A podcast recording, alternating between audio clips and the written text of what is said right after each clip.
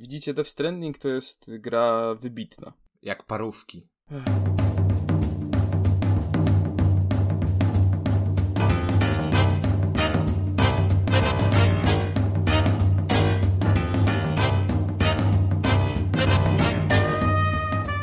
Co, może faktycznie trzeba by zobaczyć w przyszłości jakiś ten inny, inny mm, komunikator.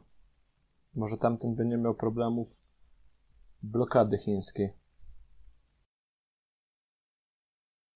No czekajcie, bo coś się połączyłem z jakimś Londynem. No dobra, spróbujmy. Pogadajmy chwilkę, proszę się wykazać. Dobrze, to e, miałem wczoraj mm, taki dzień, że wstałem rano, ale się nie wyspałem, bo musiałem grać w Death Stranding, żeby skończyć, bo mnie ciekawiło. I spałem 3 godziny i potem pojechałem. Nie, nic się nie, nic się nie zmieniło. Dalej i- to samo pierdolenie. Y, No ale... Przy... No to nie, to A, Kacper. po to ja Kacper mówi. No głupoty, dobra, no. to, to... Nie, chyba jest lepiej. Nie przerywa na razie. Dobra, no to To Zaczynamy. zaczynamy? Owszem. Lecimy, jazda z kurwami. Dobrze. Dzień dobry, dobry wieczór. Tutaj 16 epizod Trójkastu, a w nim Konrad Noga, Dzień dobry. Kuba Dzień Smola. dobry, ale miał, miało być trzech Konradów, nie jeden. No i jest trzech Konradów. Ponieważ y, byłem dzisiaj w sklepie Delikatesy Centrum, moim osiedlowym. Na dziale, prawda, z piwami e, wybierałem trunki na dzisiejszy odcinek i moje, e, mój wzrok przykuły dwie butel, butelczyny e, zacnego złocistego trunku, które są to piwa o nazwie Konrad. Także sobie wziąłem dwa i z tego powodu dzisiaj na odcinku są trzy Konrady, ale spokojnie do końca odcinka zostanie tylko jeden, ten oryginalny. O, O. A to są Konrad przez K, czy Konrad przez C? no nie, przez K, tak jak moje imię. O, sobie otworzę. I Kacper Cembrowski też jest. To, to ja, jak coś. Cześć. I Jakub Smolak, bo nie. Przedstawił. Przedstawił. Dzień dobry, dzień dobry, witam. A, to dobrze. To teraz, Kacper, możesz się wytłumaczyć, co nakłamałeś w ostatnim odcinku a propos Ghost of Tsushima. E, okazało się, że zgrzeszyłem e, i jest mi za to głupio. Poinformował o tym nas użytkownik o pseudonimie Maxis e, i chciałem się do tego komentarza odnieść.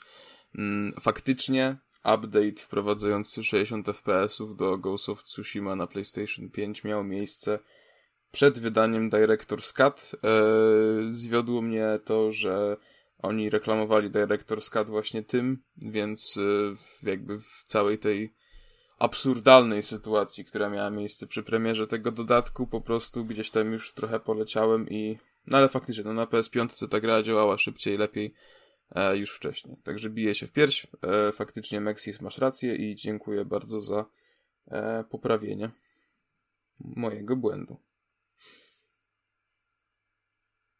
Uff, zeszło za Dobra, a teraz, Wybaczamy a ci, teraz Kacper. jest przerwa, bo ja wiem, co było źle z moim mikrofonem.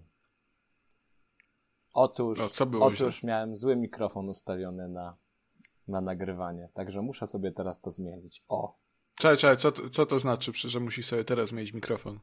Że musiałem zatrzymać na chwilę nagrywanie i musiałem przyłączyć inny mikrofon.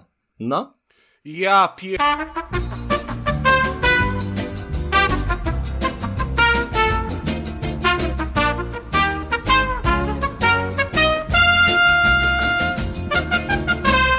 Dobrze, teraz, teraz przechodzimy do newsów. Była chwilowa to przerwa wszystko jest przez techniczna. ten alkohol. Chłopaki się pokłócili, Konrad jest- jest... teraz wściekły, Kuba jest teraz e, z... Kuba jest taki, że tak powiem, smutny, ale na szczęście ja jestem wesoły, jak zawsze. E... Aha, ale newsy ma zacząć Konrad, to kurwa trochę kiepsko. Nie, to ale spoko, dobra, zacznij, no to... zacznij sobie, weź sobie jakiś taki wesoły news. Dobra, e... coś wesołego. E... Tak kurwa nie ma bardzo. Same O, smutne jest- wybrał. Jeden wesoły news jest. E, twórca Stardew Valley zapowiedział nową grę. E, nowa gra od Erika Barona, jeśli się nie mylę, zaraz to Nie zweryfikuję. A, nie mylę się, jak zawsze. E, będzie nazywała się, moi drodzy... E, o Boże. Haunted Chocolatier. O tak, czyli nawiedzony czekoladowy człowiek. I e, chcieliśmy się Cze- we właściciela sklepu z czekoladą, który będzie mieszkał w nawiedzonym zamku. E, no i naszym głównym celem będzie rozwijanie naszego małego biznesu w postaci tego sklepiku czekoladowego. E, będzie właśnie zbieranie masy przedmiotów, które pozwolą nam tworzyć nowe gatunki i tudzież rodzaje czekolady. E, I dużą rolę w tej grze ma grać walka, bo będziemy walczyć właśnie z tymi stworami i upiorami, które będą nas atakować w naszym nawiedzonym zamku. Mm, więc zapowiada się bardzo ciekawie, bo chociaż w Stardew Valley e, była walka, to nie było jej aż tak dużo i też jakaś specjalna nie była, pomimo tego, że sama gra jest, e, jest świetna.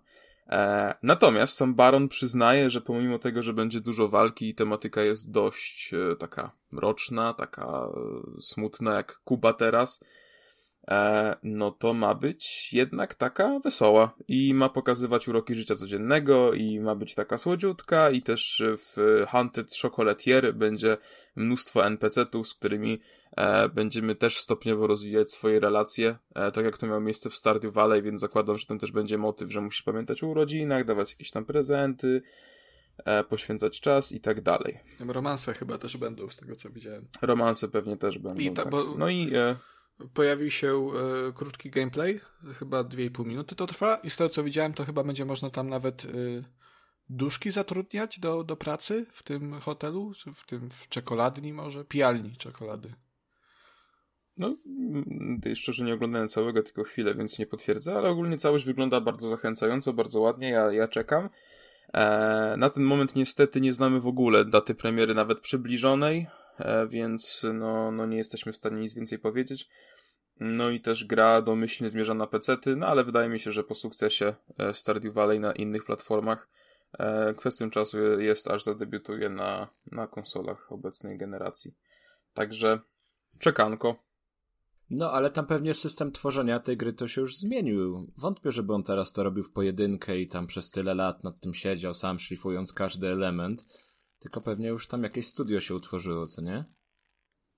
A szczerze powiem, że nie mam pojęcia, no zakładam, że tak, bo no z tego co mi wiadomo, bo on Stardew Valley tą pierwszą jakby wersję stworzył sam, ale później już ktoś mu tam pomagał też w ty, robieniu jakichś tam update'ów i tak dalej. Więc zakładam, że już nie jest y, sam. Jak jest sam, no to podziwiam, bo ciężka sprawa. Kacper, dlaczego nie uznałeś e, zapowiedzi God of War'a na, P- na PC za wesoły news? A, po prostu mi przeskoczył gdzieś w takim wypadku. Aha. I, y, Jasne, PlayStation nie ma gier. Trzęsie E. go, trzęsie go. Przez gardło mi to nie przejdzie. God of War z 2018 roku, czyli bezdyskusyjnie najlepsza odsłona całej serii, e, z Kratosem w roli głównej, e, pojawi się na komputerach osobistych w przyszłym roku. E, będzie dostępna na PC-tach, e, chyba tam na Steamie czy na Epiku, nieważne. Chyba na dwóch. PC-tach.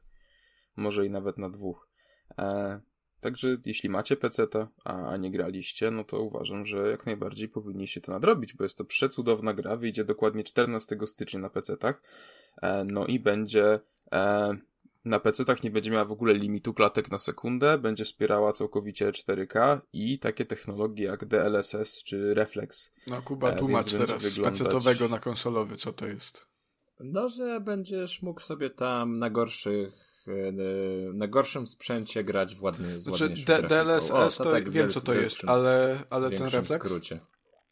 Nie mam dlatego pojęcia. No pewnie jakieś coś się będzie ładnie odbijało gdzieś coś. Gdzieś. Ja wiem co to Reflux, ale to chyba nie o to chodzi.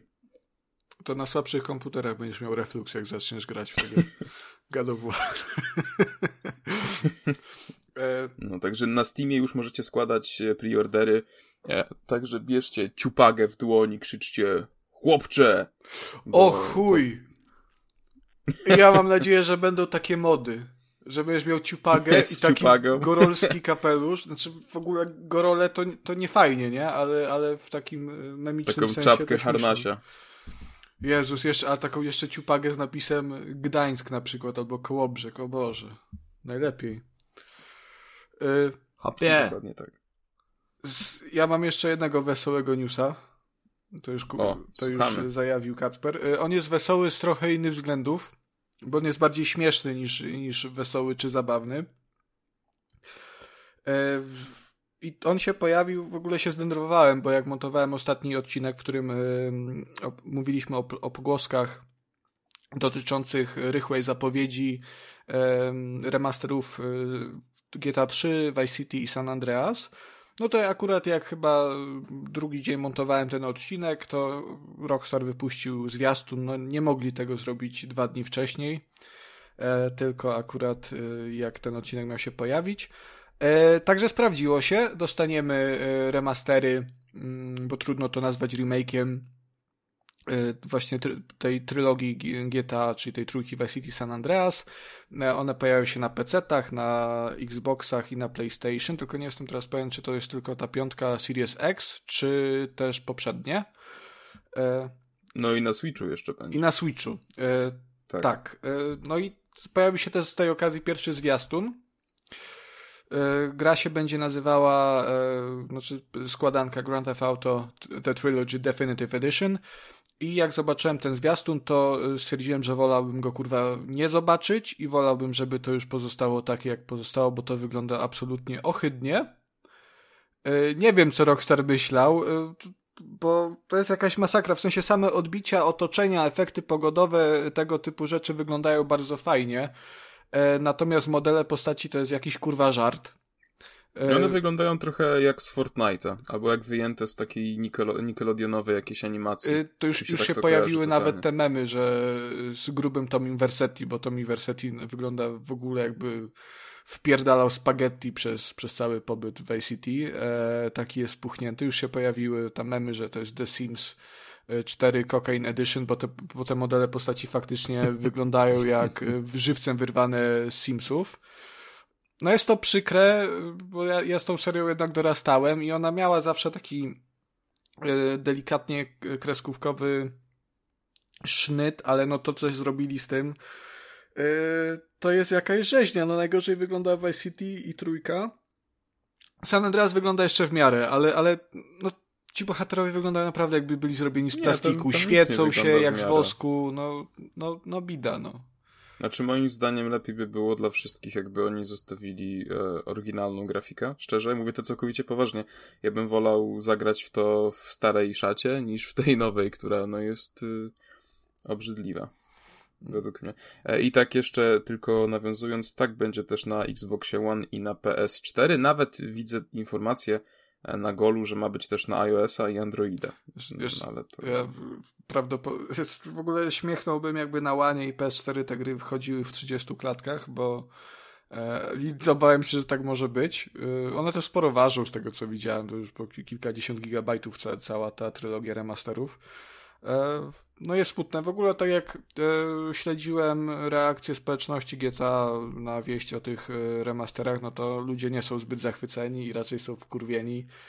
Mm, no, no, no przykra sprawa, zwłaszcza, że na przykład taka Mafia, która dostała Definitive Edition, no to jest pełny remake, wyglądający obłędnie, a tutaj no to jest takie pierdu pierdu no robienie tego po kosztach. Znaczy no to nie jest remake, to jest taki nie wiem, przy, do, dopieszczony to lekko jest, remaster? To jest remaster, no, no niestety. No wszyscy liczyli na coś więcej, nie? Że nawet jak to będzie remaster, to że, że to będzie y, wyglądało przynajmniej solidnie, a nie tak bardzo dyskusyjnie.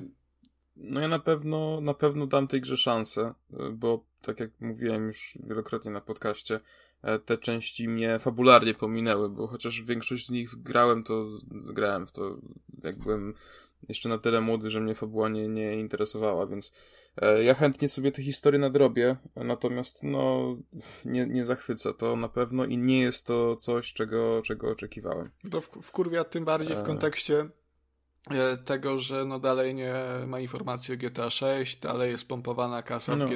z GTA Online. No także fani są wkurwieni, no ja, ja jestem też mocno zawiedziony. No i też chujowa sprawa, że nie można już kupić nigdzie tych y, oryginalnych Pierwszy, wersji, nie? Więc mhm. bo Rockstar Ale to. E, jeśli macie Xbox Game Pass, to będziecie mogli sprawdzić odświeżoną wersję San Andreas za darmo w dniu premiery, bo to właśnie e, San Andreas wychodzi e, do abonamentu Microsoftu. Także możecie tam sprawdzić, jak to działa i zdecydować się na ewentualny zakup e, Vice City oraz trójki. A ja, ja jeszcze Konrada chcę, chcę podpytać, bo pewnie się bardziej orientuje. A to nie jest trochę tak, że mody, które tam też zostały usunięte w ostatnim czasie, one robiły lepszą robotę w poprawie e, jakby jakości grafiki w tych grach? Czy... E, tak.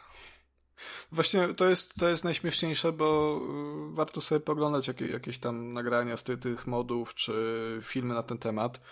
E, no bo ta paczka tych remasterów faktycznie wygląda jak y, kilka modów wrzuconych do, do gry. No bo y, też to jest kolejna kwestia, że graficznie ta gra nie ma, te gry nie, nie, nie będą teraz miały takiego jednego jednego, jednej wizji, nie? bo otoczenia, te, te mm, efekty pogodowe, odbicia na samochodach, to wszystko wygląda w miarę realistycznie, nie? I jest takie naprawdę fajnie wyglądające.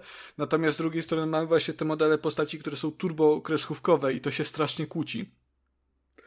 E, a no, mody robiły to trochę lepiej i pamiętam, że jak dużo mocniej, no już tak z 10 lat temu to było, siedziałem właśnie w San Andreas, w Vice City, e, to bawiłem się tymi modami, pobierałem jakieś te ENB seriesy i to no wtedy można było osiągnąć podobny efekt co teraz, no więc tym bardziej, no chujowa sprawa z ten Rockstar. Nie można kupić oryginałów, yy, mody zostały wycofane albo zaprzestano nad nimi prac. Yy, jedyne co możemy teraz robić to kupić za 270 zł paczkę starych gier, które wyglądają chujowo. No super. Mmm, fajnie. A zamówiłeś już, czy jeszcze nie? Nie zamierzam tego kupować. Mam, mam Vice City, mam trójkę, mam San Andreas kupione, także nie potrzebuję. Dobrze. E, także GTA e, o najdłuższym tytule w historii, czyli Grand Theft Auto The Trilogy The Definitive Edition e, zapowiada się średnio. E, chujowo bym powiedział. Średnio też, średnio też zapowiada się film Uncharted, który powstaje w wielkich bólach i e, co chwilę jest przekładany, bla bla bla, Nie, ale no ostatnio fajnie to wygląda. pierwszy trailer. Ale to my już przechodzimy wygląda... do smutnych newsów? No raczej nie ma więcej wesołych. Bo ja jeszcze mam jednego takiego szybkiego, wesołego. To czemu się kurwa na listę nie wpisałeś? Bo to takie szybkie na sekundę, bo dzisiaj zauważyłem, że It Takes Two trafiło do Game Passa y, w ramach tego EA Play abonamentu. E, warto, polecam. E, no, tylko musicie się wziąć pod uwagę to, że wasz związek, jeżeli gracie z partnerką albo partnerem, e, no może stanąć na wosku miejscami. No właśnie, Ta gra fajna. ty mi obiecałeś, obiecałeś mi recenzję tej gry i nie zrecenzowałeś w końcu. A się chciałem podpytać, czy jeżeli ja, ja druga nie przeszedłem dalej. w ogóle, w ogóle nie gra. Ale jeszcze raz, co? Powiedz, jeżeli druga połówka w ogóle nie gra, raz na rok, dajmy na to, to, to będzie ciężko, czy to Będzie ciężko. Jednak... Będzie ciężko, będzie bo ciężko. Yy, no to ostatnio graliśmy, tak z, z Madzią gramy w to i tekstu yy, co jakiś czas Głównie ze względu na to, że no, nasze grafiki by się średnio e, stykają, a, a wolimy jednak poświęcić wspólny czas na, na, na coś innego, co tak pozwoli odpocząć. No bo to i tekstu jest jednak grą. A na co? Że... Co? A na co? A wiesz tam jakieś tam. Nie, no powiedz na co. Netflix, nie? I takie tam relaksowanko. E, i, no bo chodzi o to, że It Takes Two to jest gra, która u podstaw, mimo że to jest gra koopowa, to to nie jest bardzo prosta gra, to jest platformówka i tam się mechaniki zmieniają co chwila. I to jest super. E, natomiast twórcy zrobili grę kooperacyjną z zamysłem, że e, no jednak ona jest grą, a nie tylko jakąś koopówką prostą, więc wypadałoby e, mieć trochę doświadczenia z, z grami. Jeżeli się go nie ma, no to jest ciężko, bo trzeba szybko celować, trzeba ogarniać pada i poruszanie się. Mm, no także jeżeli ktoś nie gra, no to bywa różnie. No także trzeba trochę wyrozumiałości dla osoby, która nie gra i, i, i tyle, jako się przez to w końcu przebrnie. Ale gra fajna, ja osobiście polecam. Ale jest jeszcze kooperacja sieciowa, więc ty będziesz ze mną grał. Fuck. A jak skończę z Magdą dopiero, wiesz, bo to nasz pierwszy raz musi być taki wyjątkowy, potem mogę z tobą zaliczyć tam mhm. dwójkę. No dobrze, niech będzie. Kiepsko to brzmi, ale niech będzie. Y, zanim jeszcze przejdziemy do tego Uncharted, ja chciałem powiedzieć, jeszcze jednego szybkiego newsa, bo to powinniśmy podpiąć pod yy, GTA, że San Andreas będzie w VR-ze na Oculusa. Zapowiedział Zuckerberg, yy, ogłaszając przy okazji, że Facebook, firma Facebook, nie serwis społecznościowy, zmienia nazwę na Meta. Także będzie San Andreas w VR-ze też, co jest fajnym newsem i, i, dużo ciekawszym w moim odczuciu niż Definitive Edition. Nie jest fajnym, bo nic nie pokazali, nic nie wiemy. No dobrze, ale. Jak będzie wyglądało, no do... to okay. nie mamy pojęcia. Okej, okay, ale wciąż pomysł i wizja udania się do Los Santos, San Fierro, Las Venturas w pierwszej osobie i odwiedzenia tych miejscówek z dzieciństwa Y, jest bardzo fajna, jeżeli, y, jeżeli o to chodzi. Jak to, się, jak to będzie wyglądało, no to zobaczymy, ale sam pomysł jest dla mnie bardzo kuszący.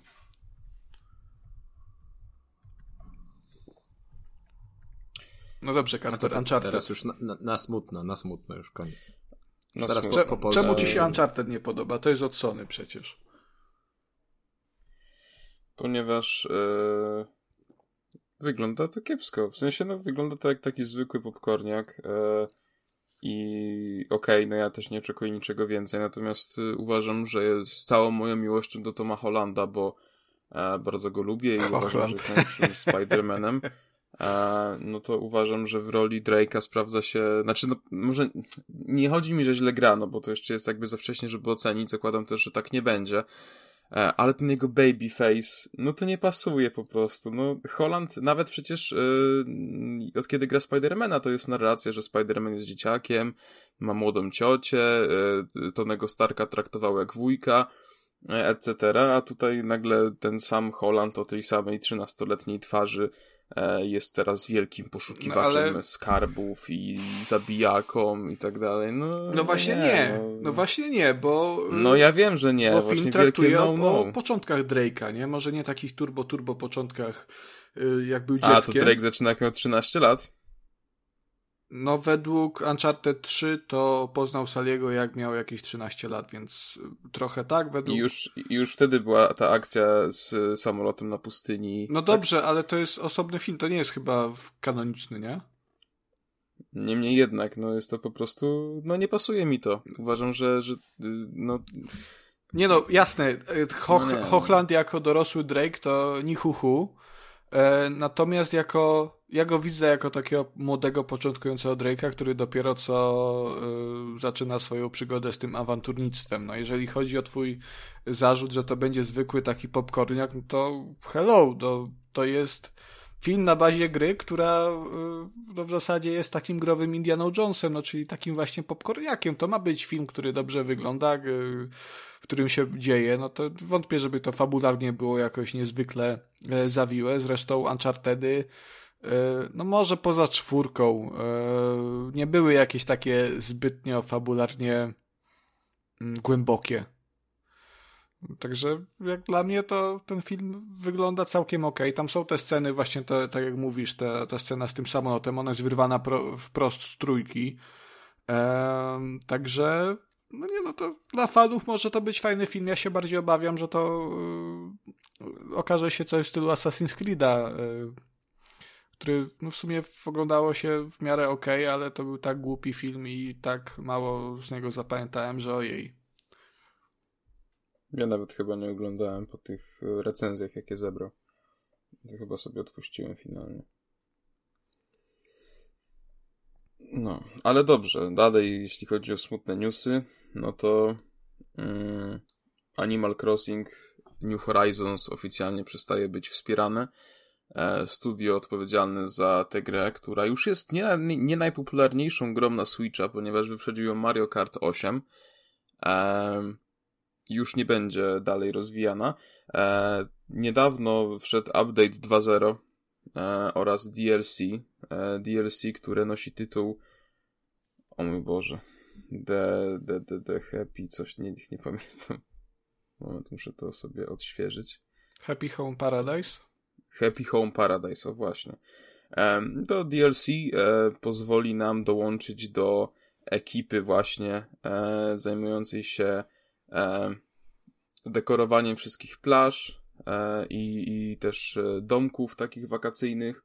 E, podczas tego też będziemy poznawać dużo technik i zakładam, że DIY, które potem będziemy oczywiście mogli wykorzystać w, na swojej wyspie i w swoich domkach. No i e, ten dodatek już możecie kupić w e-shopie.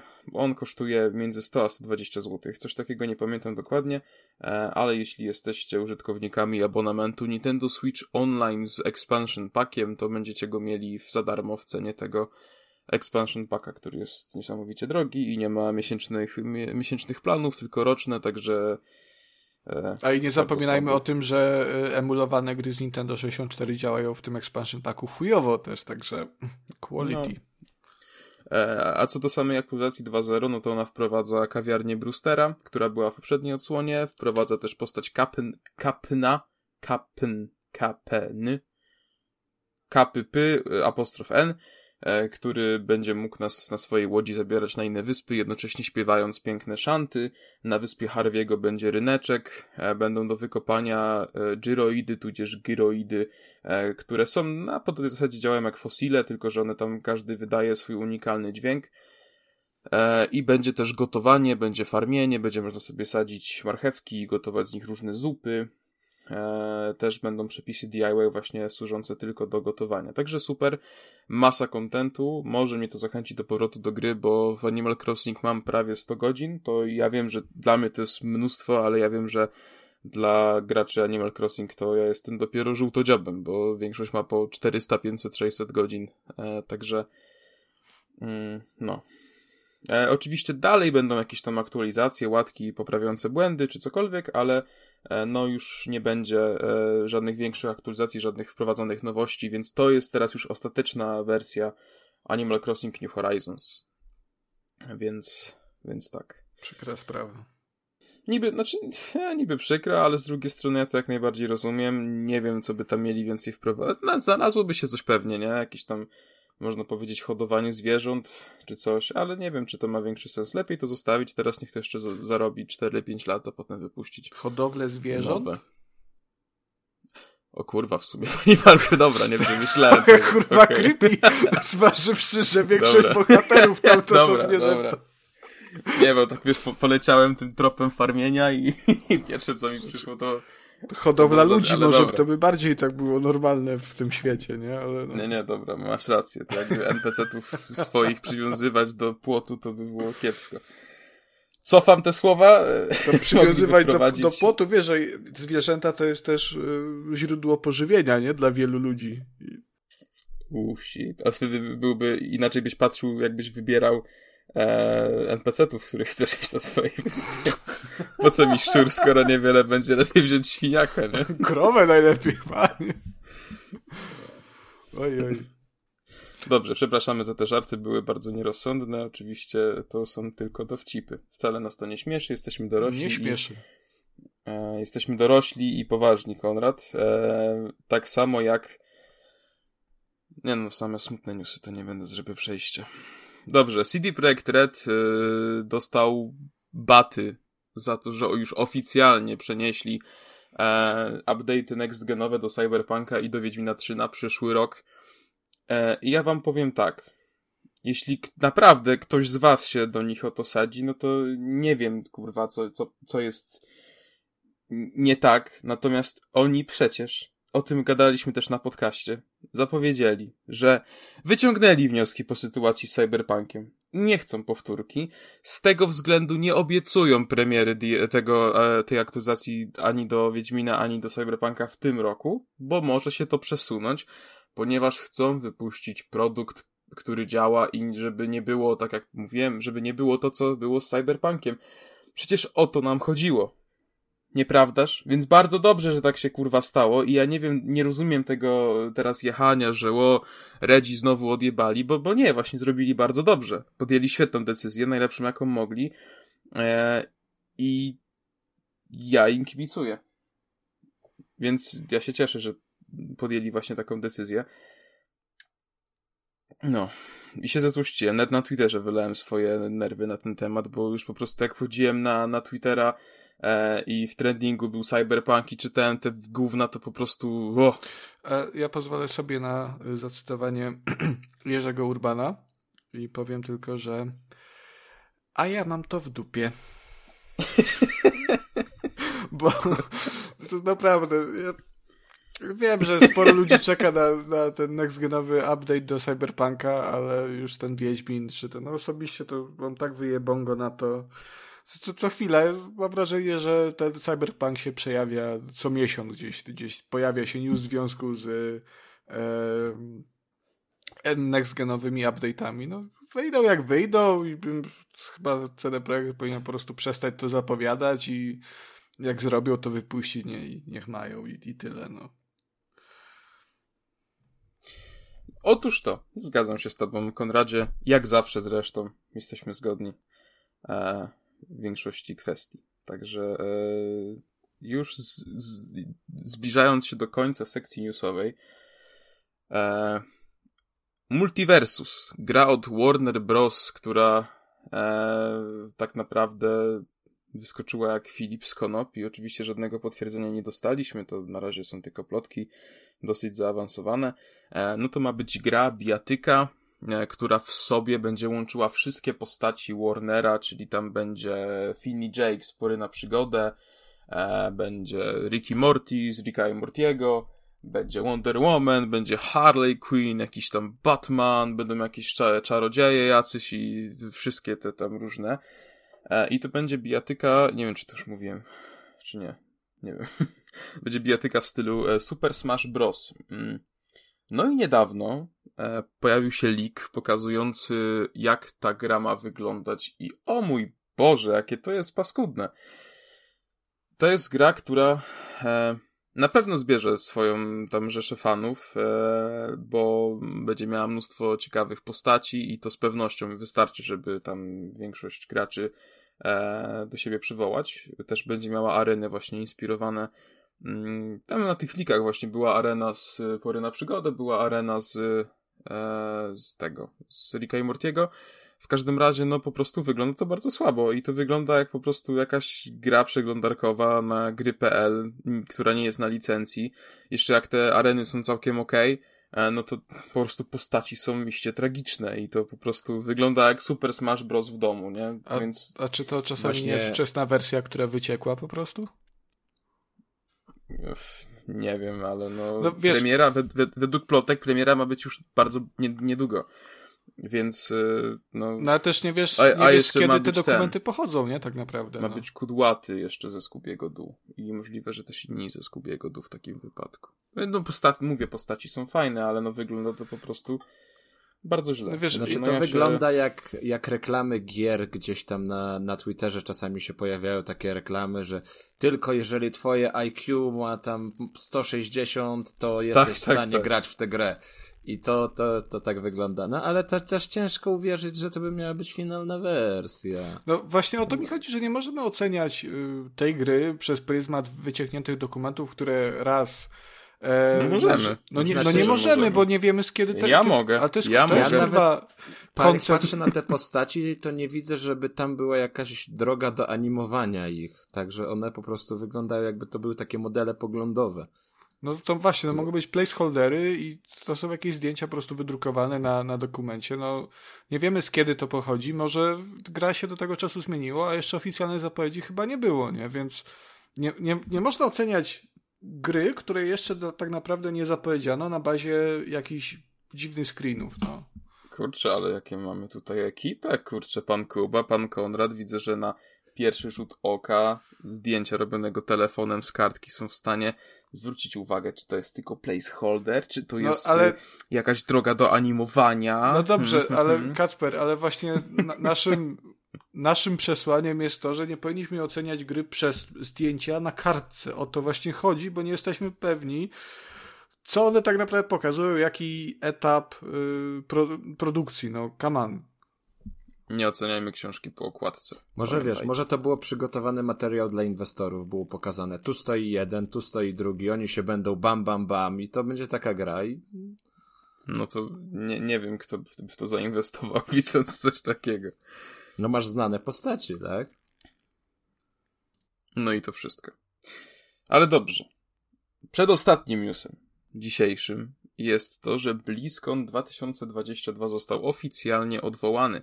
Eee, I oczywiście, no nie da się, no nie będziemy sobie mydlić oczu, to jest wynikową tej akcji z Blizzardem, e, która miała miejsce jakiś czas temu, o której też zresztą wspominaliśmy i o której na pewno słyszeliście, no bo to było na tyle głośne, że nie dało się e, przejść obok tego obojętnie. I oczywiście bardzo dobrze, e, tak jak już wtedy mówiliśmy. E, natomiast sam Blizzard się tłumaczy, że po prostu teraz skupiają się na rozwijaniu twórców i na rozwijaniu swoich projektów, więc no, mhm. chociaż była to strasznie ciężka decyzja, no to była to jedyna słuszna decyzja. I nie mogli postąpić inaczej, ale za to, no, chociaż nie będzie tego blisko, no i bardzo przepraszają, ale za to w ciągu kilku następnych miesięcy możemy spodziewać się zapowiedzi gier i różnych tam trailerów i tak dalej. Także super, no czekamy, e, oby te ich gry powstawały. Zarząd się tam już prze, prze, przewietrzył, a też o to nam chodziło, także dobrze. E, czy oni się odbudują tak jak było, no tego nie wiemy. E, a czy też po tym Bliskonie w istocie ktoś będzie solidnie płakał. Też mi się wydaje, że nie. No właśnie dobrze, że jeszcze biletów nie zdążyliśmy kupić jak co roku.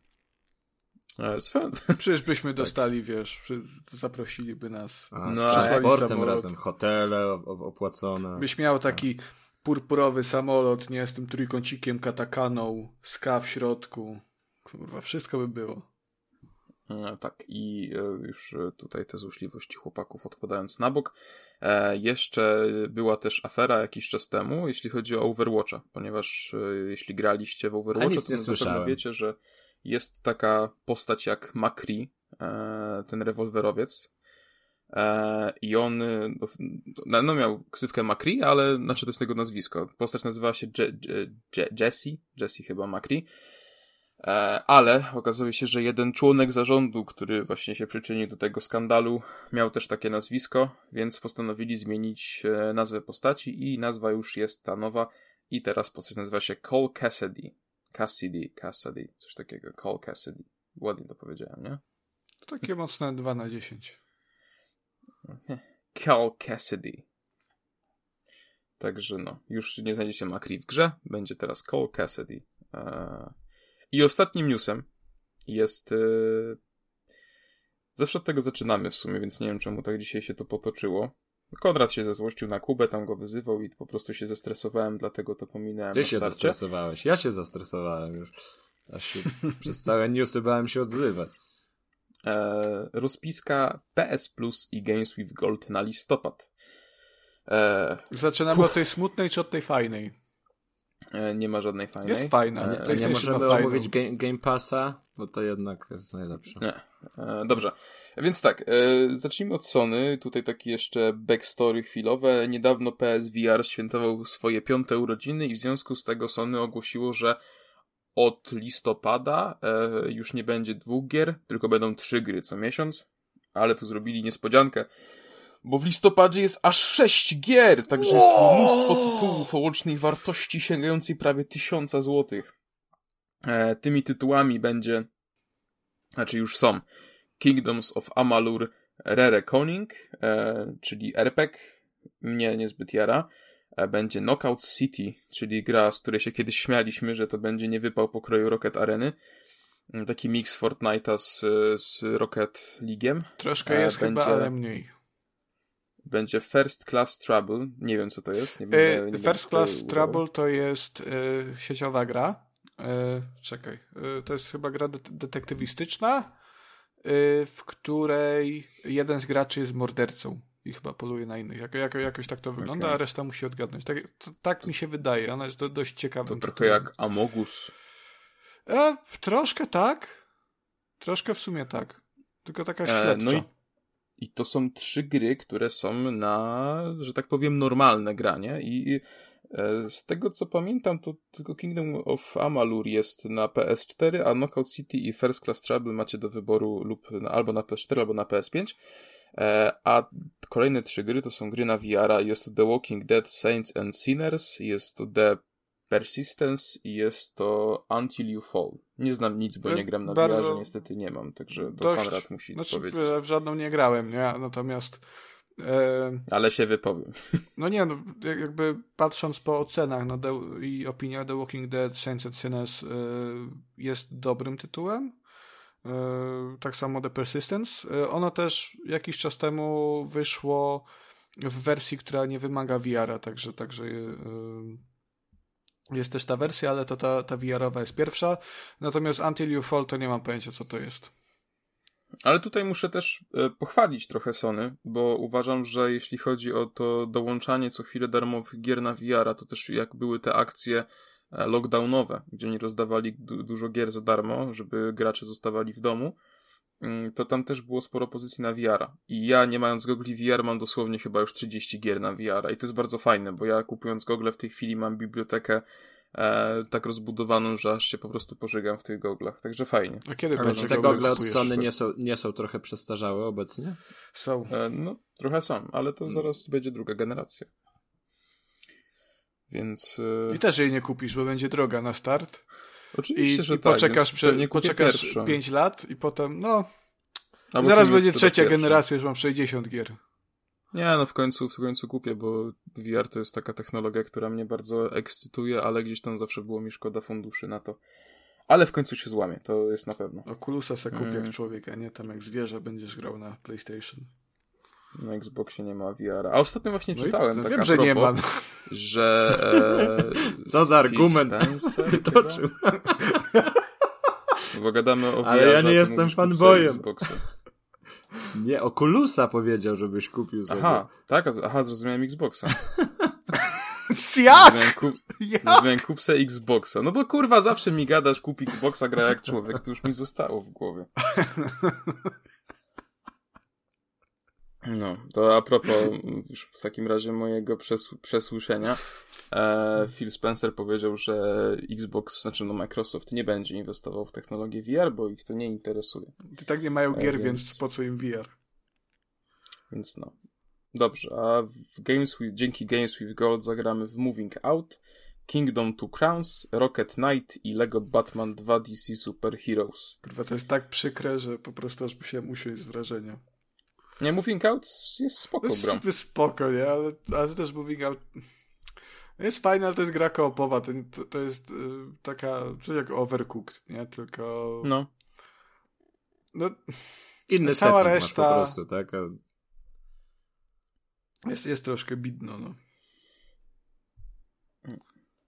Dobrze, i to wszystkie newsy i naprawdę usłyszałem, że mam sobie kupić Xboxa. Ja, dobra, mm dobra, już, już się nie tłumacz. Po prostu Uch, ale się ciągle, ciągle z tyłu głowy masz, a może bym kupił Xboxa. Tak ci już zostało. No mam.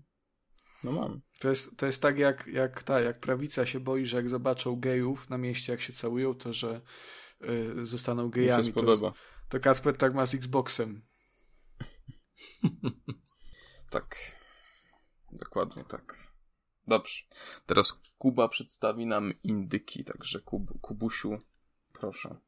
Ale zanim przedstawię indyki, to muszę powiedzieć, że się dzisiaj trochę rozczarowałem, bo ostatnio o. dwa odcinki Kacper skrytykował moje indyki, bo mówił, że to w ogóle wszystko już było, to takie są e, nic oryginalnego, nic ciekawego. No i chciałem dzisiaj poszukać na Steam czegoś w jego klimatach. I w ogóle nie ma tych takich gierek z tymi rysunkowymi dziewczynkami, co się je rozbiera. Przecież kiedyś tego było do zatrzęsienia. A tak teraz przeglądam listę nadchodzących premier. Już nie ma tych, tych gier. Nie wiem, no z tego jakaś... względu mnie twoje indyki po prostu nie interesują. No ja jako wieloletni fan e, hentai, tudzież e, jak mam taki bardziej soft dzień, no to eci, e, po prostu skupiam się na innych produkcjach, które są w stanie mnie zadowolić. Właśnie też z tego względu myślę o zakupie VR-a, e, co by móc w takie gry pograć w lepszej jakości. No A ty mi proponujesz jakieś latające wiewiórki, borsuki i kurwa gry wojenne. No to to mnie nie zadowoli. No, no wiesz, wybacz, no, no. no, ciebie, ciebie zadowoli rozbierana, animowana dziewczynka rysowana, a kogoś, no borsuk wirtualny, no słuchaj. Tak. I to cię nie powinno a, e, interesować. To też w sumie zależy o jakim rodzaju zajarania mówimy. Takim no. Dobra, indyki. To ty, to ty kupujesz VR. Indyki. E, dobra. Pierwszą propozycją indyczą jest Among Trees, które 10 listopada pojawi A tu widzę, przepraszam, że ci przerwę, tu widzę tylko w rozpisach, że jest to sequel Among Us. Nie wiedziałem, że będzie sequel Among Us. Mm, Tak, tylko te ludki zostaną zastąpione e, drzewami. O, kinda sus. I akcja będzie się rozgrywać w lesie. I będziesz już mógł zagrać w to 10 listopada. Przy czym y, gierka wychodzi z Early Accessu, który był od czerwca zeszłego roku. I będzie to gra survivalowa z akcją rozgrywającą się w lesie.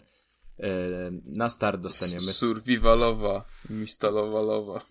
Jak, jak słyszę gra survivalowa, to, to troszkę y, zaczynam przysypiać i tracę zainteresowanie jako, jakiekolwiek. No właśnie, dajcie mi jeszcze dokończyć. Dobrze, dobrze. No, także to, no tak wygląda i brzmi standardowo, bo dostaniemy domek, narzędzia, tam sobie będziemy uprawiać warzywa, gotować, konstruować różne rzeczy, mm, chodzić po lesie.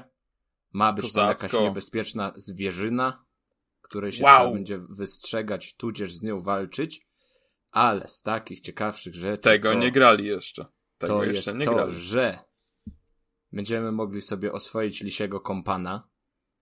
Aha. I, Wow. można, I można go głaskać i to jest I zajebiste. można go głaskać i to już jest, to już, to już daje nam takie 8,5 na 10. A, a drugą rzeczą no jest to, że pięknie ta gra wygląda i ona może być po prostu takim, takim survivalem relaksującym, tak bym to Znaczy powiedział. no wygląda ładnie. Tutaj już tak No. bez szydery wygląda ładnie, to się zgadza. No to zdjęcie z tym leleniem na rykowisku pośród świerków i sosen. No coś. Coś No jest tam taka fajna gra światłem, jest tak Mhm. cie- ciemnością, lasem i tak dalej. E, No i tym, że to może być taka gra zen, jeszcze ym, świadczy o tym, że dodany tam będzie specjalny tryb, który wyłączy te wszystkie zagrożenia ze strony dzikich zwierząt i tak dalej, czyli będziemy sobie mogli po prostu na, na spokojnie chodzić i robić co sobie tam chcemy we własnym tempie, rytmie i tak dalej. I to może być taki, taki mm, no, uspokajacz. Taki Animal Crossing trochę dla dorosłych. No, ładniejszy trochę po prostu. Może. Szczylu zafajdany. Zważaj na słowa. I jagodami wymazane. Dobra, to to była pierwsza. No i jakoś tak nie- jestem na tę grę jakoś napalony, żebym poleciał od razu i kupił, ale jakby kiedyś się Bo zdarzyło... nie ma tam rozbieranych, rysowanych dziewczynek, dlatego nie jesteś napalony. Pewnie tak, ale, Ale są... można- można miziać lele. Lelenie są. Mijać liska. A po czym? I czym? Po główce. Po główce. O, a czym? Rąsią. Rączką, no czym byś chciał. No rączko. Ty to jest jeszcze Kacper nic nie wiesz o mizianiu. Dobra. Drugą propozycją drugą propozycją jest coś dla Kacpra właśnie. Punk Wars. 11 listopada zadebiutuje na PC-tach. Strategia turowa typu 4 4X. I e, czy, czy to jest y, osadzone na Woodstocku, czy na Jarocinie? E, to będzie. e, to jeszcze Majka Jeżowska nie podjęła ostatecznej decyzji, gdzie to ma być osadzone. A. No ale tam, Bo to tam, ma być naprawdę twardy punk. Tam, tam można się tam y, tych fanów Desertera napierdalać, nie? Jak się jest od E, Można się napierdolić po prostu. No, to też fajnie. Tak. Y, I to jest polska gra stworzona przez studio Strategy Forge. I no setting mi się podoba. Bo jest taki postapokaliptyczny, oczywiście na wyniszczonej planecie i będą cztery nacje się tam biły między sobą i te cztery frakcje też są fajne, bo to jest tam jedna to jest Steam, czyli jakaś parowa, dieslowa, atomowa, stalowa i to wszystko jest w takim mm, w takich tych cięższych klimatach postapokaliptycznych, może trochę takich Mad Maxowych, może jakiś, no nie, no są te różne odłamy tych, tych stylów. Znaczy to jest w ogóle ciekawe, bo to, to, tak na to na patrzyłem. No to patrzyłem i nawet, nawet opis o tym mówi, że e, to jest nie tyle walka między frakcjami, co bardziej walka między tymi nurtami em, w stylistyce i w e, fantastyce. Czyli, bo tak jak mówisz, że, że się będą napieprzać przedstawiciele steampunka, dieselpunka, atompunka i steelpunka. Także no bardzo fajnie to wygląda, bo są te lokomotywy ta, wielkie, e, Jakieś tam parowe. te Mhm. mm, te latające takie, jak one, te takie wielkie balony. Tak, Kurczę, tak, tak, patrz, tak. wy- wypadło mi to z głowy. Jak to się nazywa? Teraz mnie będzie męczyło. Walec. Aeroplany? Nie. Walec. E, A, te, chodzi ci, kurwa. Nie, nie, Bombowce. nie. Znaczy Ale tak. Znaczy tak, ale patrz. Co to są? Te w E. Battlefieldzie pierwszym były, Kasper, pamiętasz może? Tak, O Jezus. pierwszy Battlefield Sterowce. wychodzi, to ja miałem. Sterowce. Sterowce? Tak. No, może i sterowce. No dobra. Takie sterowce. E, No i wszystko to fajnie wygląda. No nacisk ma być położony na tą właśnie stronę militarną i na walkę i tak, i tak dalej.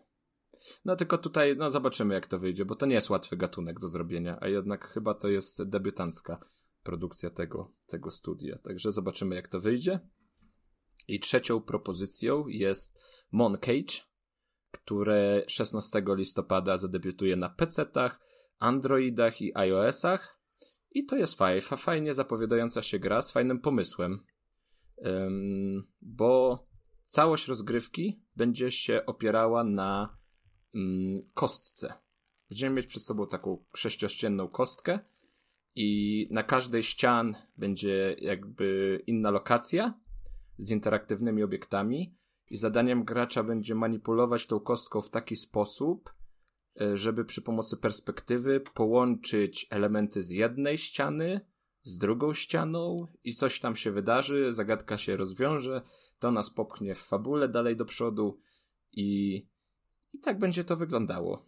No i tu duży plus za, za pomysł i za wygląd, bo wygląda też fajnie.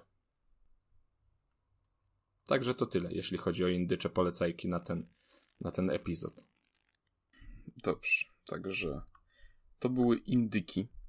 E, a teraz Konrad opowie nam o grze pod tytułem Forza Horizon 5. I o Jezu, jak to wygląda! Panowie, mam do was pytanie. Czy kiedyś jedliście bigos? Zdarzyło się. Zdarzyło się. Ale No, tam, to- nie wiem, dwa, może trzy razy w życiu, gdzieś od święta, jak coś, nie wiem, awans, podwyżka.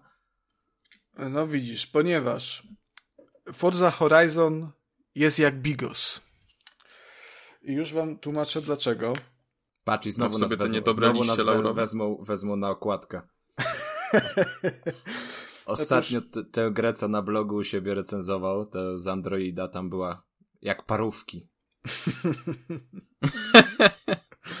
Już nie Ale- pamiętam cytatu, ale coś tam było, coś dobra w smaku, ale mało mięska, coś takiego. Bo tak było, no, natomiast o ile e, to było, czekaj, to, e, The Mystery of Blackton Castle, e, no to o ile ta gra jest jak parówki, to Forza Horizon jest właśnie jak Bigos. Z dwóch względów. Pierwszym z nich jest to, że no nie, to akurat nie tylko Bigos, ale w ogóle w kuchni jest e, taka zasada, że e, ale już pozostajemy przy tym bigosie. Jak sobie wyobrazicie ten bigos, nie? Jak tam sobie uważycie tego bigosu, tam tej kapusty na, narzu- nawrzucacie, kiełbasy elegancko, albo mama, prawda, albo, albo ktoś uważy ten bigos, no to y, pierwszego dnia, jak sobie y, tego bigosu skosztujesz, no to jest on pyszny, ponieważ jest to bigos, więc to nie ma takiej opcji, żeby bigos nie był pyszny. Natomiast kiedy włoży się go do lodówki i zostawi się go tam na, na, na noc przynajmniej, na, na, najlepiej na dwa dni na przykład, kiedy tam te, ta chemia zajdzie, tam, tam te wszystkie procesy, kiedy te smaki się poprzenikają, to wszystko się przeżre. I następnego dnia, czy za dwa dni wyjmiesz ten gar bigosu uważony, przeżarty i sobie to odgrzejesz elegancko, chlebka weźmiesz jeszcze do tego, bo bez chlebka się nie najesz, wtedy wszystkie te smaki, jak to współgra, jak to smakuje, jakie to jest wspaniałe, no to to jest coś niesamowitego. I tak właśnie jest w przypadku Forza Horizon 5, ponieważ w przypadku tej serii Forza Horizon 4, wydana y, 3 lata temu, w 2018 roku, y, to jest właśnie ten bigos dopiero co uważony. Tam jest, y, tu jest też ta druga, dru, drugie podobieństwo Forzy do Horizon do Bigosu, czyli że tam jest wszystko, po prostu tam nawrzucali tych różnych rzeczy, tam jest tyle konkurencji do roboty, to jest miszmasz wszystkiego tam jest i to po prostu smakuje, to jest, to jest cudowna gra była, wspaniała, tam się jeździło fenomenalnie. Natomiast teraz, kiedy przez te trzy lata e, ta Forza Horizon się przeżarła, e, ten, ten motyw, e, kiedy twórcy dopracowali to wszystko, te różne mechaniki i wydali to Forza Horizon 5, no to teraz ta piątka to jest właśnie ten e, bigos, który się przeżarł w lodówce, to jest jeszcze lepsze i no ja bym powiedział, że to jest jedna y, z najlepszych gier e, w tym roku. Y, coś, coś cudownego, jestem absolutnie zachwycony. Przede wszystkim, ale to no wygląda. Dobrze, ale poczekaj, bo ci to jeszcze tutaj przerwę. Czy Słucham. jednak nie powinno być tak, że ta czwórka to był taki zrobiony w niedzielę, wstawiony rano rosół i ta piątka to powinna być taka poniedziałkowa pomidorowa? Jednak? Nie, Czyli, nie, nie, nie, nie, nie, no, nie, nie. Baza podobna, ale jednak te nie, nie, smaki właśnie. troszkę inne takie. No. To znaczy, to już się stało, wiesz. Yy, yy, poniekąd za yy, niedzielny rosołek, o może inaczej. Niedzielnym rosołem jest, y, jest Forza Horizon 1 y, i 2. Y, dwójka, sorry, Forza Horizon 3 to jest ten rosół z dodanym wiesz, no na następny dzień, w poniedziałek, ziemniaczkami na przykład odgrzany, bo tak ludzie też robią, to jest mniej więcej to samo, ale troszkę tak inaczej.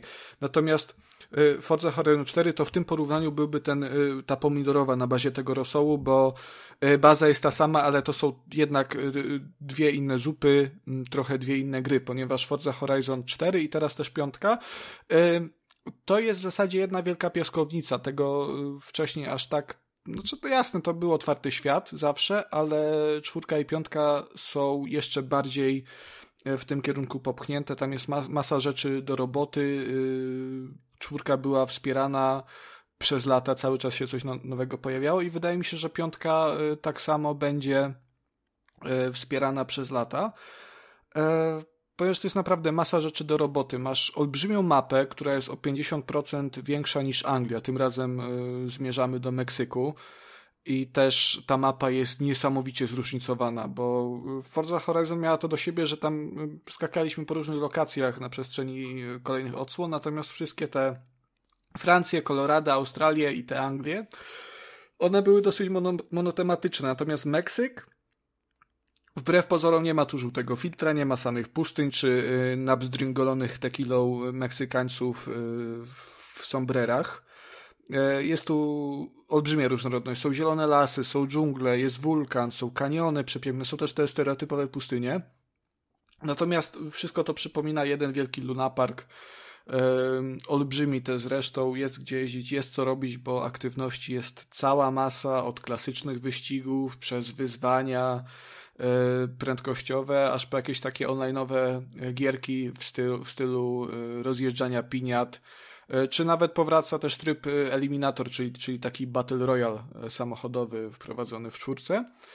Mm, I no, gra się w to świetnie. No, Forza Horizon ma to do siebie, mm, od zawsze to miała, że to jest ta mniej wymagająca mm, część, odnoga serii, bo, bo Forza Motorsporta oryginalna, no to jednak są takie bardziej e, symulacyjne gry, też nie aż takie hardkorowe, natomiast zdecydowanie bardziej symulacyjne. Forza Horizon z kolei stara się połączyć ten e, symulatorowy sznyt oryginalnej e, tej głównej części serii z takim bardziej arcade'owym podejściem w stylu Need for Speedów i uważam, że to sprawdza się naprawdę nieźle, ponieważ e, widowiskowych akcji, jakichś niesamowitych poślizgów, mega wyskoków i ogólnego takiego poczucia prędkości jest naprawdę dużo. Jeździ się e, przystępnie.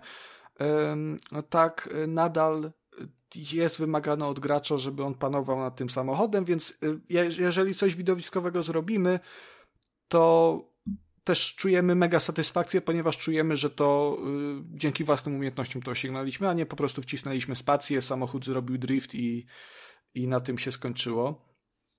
Y, I Kuba mi przerwałeś, jak, jak y, od, od paru odcinków, ja nie wiem dlaczego mnie tym katujecie, ale cały czas chcecie, żebym mówił y, Kuba z Kacprem, że ale jak to wygląda, no ale, ale jak to wygląda, no, w, w Horizon 5 wygląda po prostu obłędnie Jeżeli będziecie oglądali jakiekolwiek zdjęcia w internecie, to od razu mówię, że te zdjęcia tego nie oddają, jak ta gra dobrze wygląda w ruchu. Mm, ponieważ, no jasne, tam są jakieś pewne uproszczenia w modelach, żeby to działało płynnie, żeby to dobrze śmigało, natomiast w ruchu tego kompletnie nie widać. Zdarza się jakiś pop-up, jasne, jakiś krzak wyskoczy e, od czasu do czasu, może ogrodzenie gdzieś e, dalej, natomiast pod względem grafiki, dzięki e, efektom atmosferycznym, odbiciom, niesamowitemu zasięgowi rysowania, to widać zwłaszcza na jakichś wyższych półkach, bo skalnych, gdzie tam się jeździ po górach, to ta mapa jest cała widoczna, wygląda to po prostu niesamowicie, a jeżeli już pędzimy, to w ogóle tych drobniejszych niedociągnięć się nie zauważa. No, jest to przepiękna gra, e, jeździ się fantastycznie e, i uważam, że no to jest must have, jeżeli chodzi o gry na Xboxa. Jeżeli macie Xboxa i jeszcze nie kupiliście piątki, albo nie wykupiliście za 4 zł Game Passa na miesiąc, to ja nie mam pojęcia na co na co czekacie. I też uważam, że jeżeli ktoś nie ma Xboxa, to to jest dobry argument, żeby tego Xboxa kupić, o ile oczywiście nie gracie na PC, e, bo wtedy wi wiadomo, że możecie w to zagrać na PC, co też jest super. No dobra, ale czy jesteś w stanie wskazać coś, co się zmieniło względem poprzedniej serii? Mm. Czy to jest, czy to jest po prostu no, to samo w innej, ładniejszej oprawie?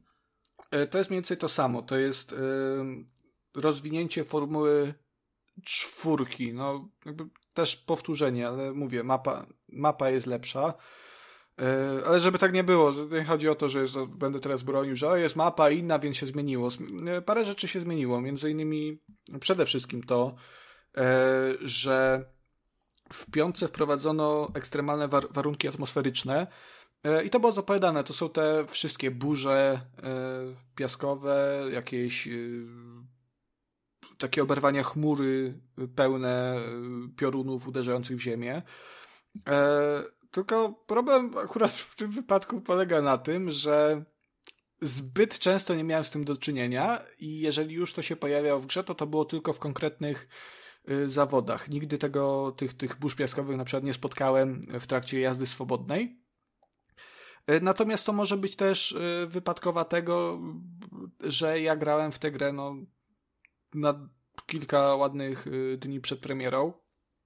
Także może to nie było zaimplementowane, bo te wszystkie warunki atmosferyczne y, są też powiązane z powracającymi mm, porami roku, y, które zostały w czwórce wprowadzone, a teraz też się troszkę zmieniło pod tym względem, ponieważ te warunki już jak się pojawia zima, lato, jesień, to to nie obejmuje całej mapy w ten sam sposób, tylko poszczególne regiony będą inaczej przechodziły te pory roku i też e, na przykład w trakcie wiosny e, jest dodatkowa informacja, że teraz jest pora sucha, więc burze piaskowe będą występowały częściej, czy też w ogóle występowały.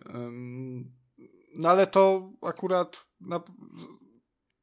zostało, akurat ten napis, ta, ta pora roku na wiosnę zmieniła mi się w momencie oddawania mojej recenzji do E, pisanej do publikacji, czyli no w sumie wczoraj, kiedy e, od północy dzisiaj w momencie nagrywania, czyli jest 5 listopada, e, w Force mogą grać ludzie, którzy wykupili chyba pakiet premium, więc oni mają ten dostęp przedpremierowy na, na 4 dni przed premierą. E, także może to wyglądać in, inaczej, natomiast z mojej perspektywy to nie ma e, większego znaczenia. Wygląda fajnie, e, bo jak się wiedzie w burzę piaskową, to wszystko się robi takie typowo meksykańskie żółte, widoczność jest ograniczona, mgły są też zajebiście gęste, dosłownie nie widzisz dalej niż, niż swoja maska, więc jazda i próba wygrania wyścigu w takich warunkach no, jest bardzo fajnym przeżyciem. Co się jeszcze zmieniło?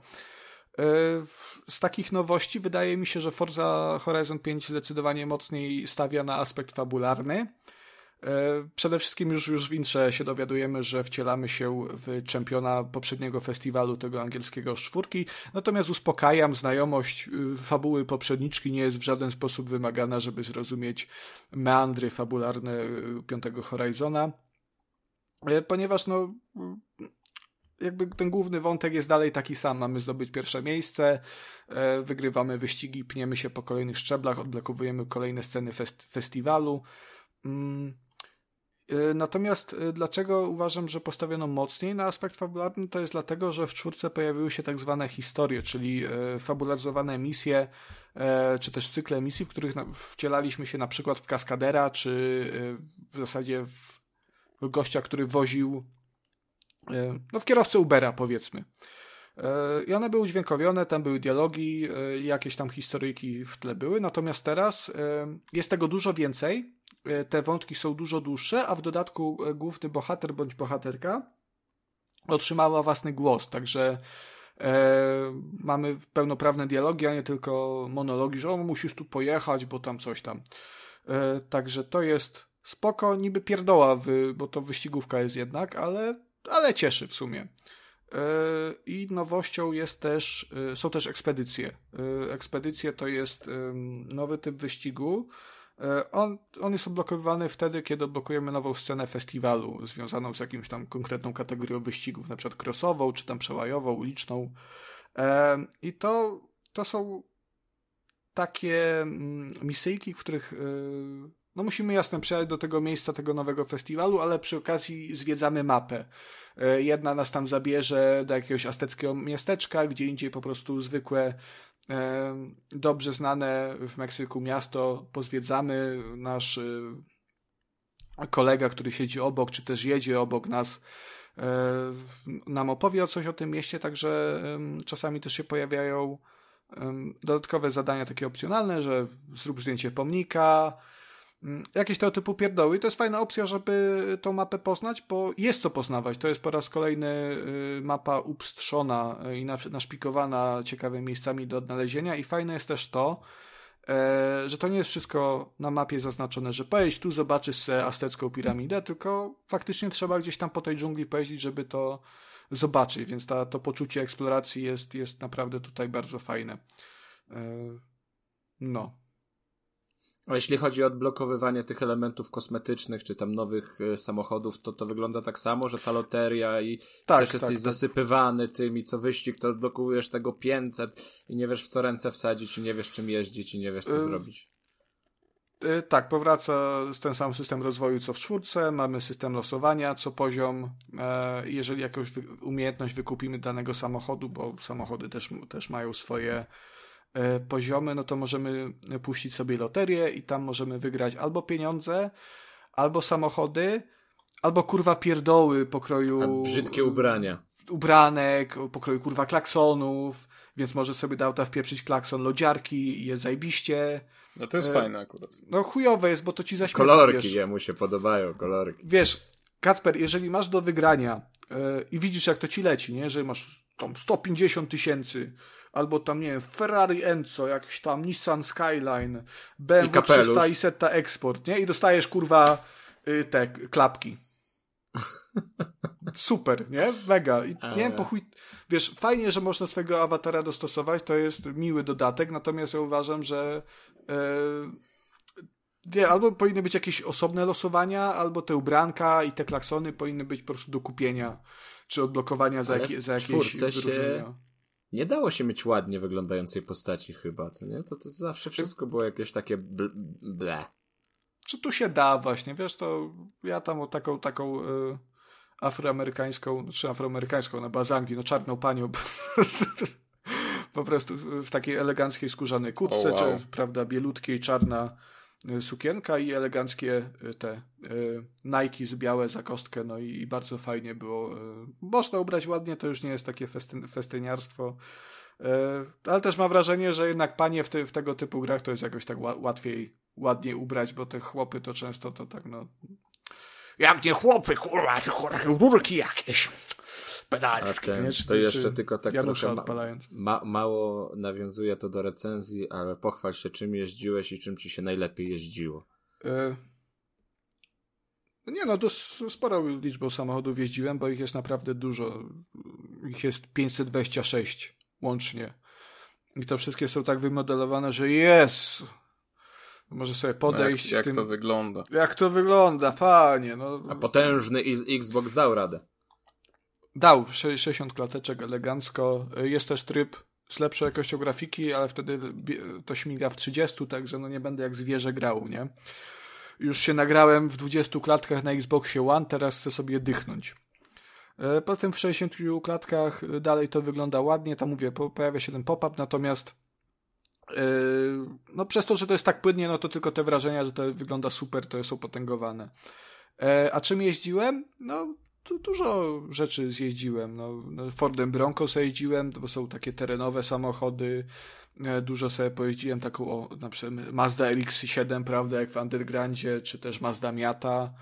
E, ale też popróbowałem jakieś takie, wiesz, stare kaszlaki na przykład, nie? Że tam BMW 2200 Turbo, e, jakiegoś takiego w ogóle chyba z lat 50. jakiegoś takiego hatchbacka małego, odblokowałem i tym jeździłem, to ledwo ciągnęło, ale, ale dawało radę, ale są też na przykład różne dziwne samochody pokroju furgonetki y, GMC, która wygląda jak, jak typowy pojazd pedofila, nie? Wiesz, z tym napisem darmowe cukierki albo małe kotki, nie? Na, na boku, takim markerem y, namalowane.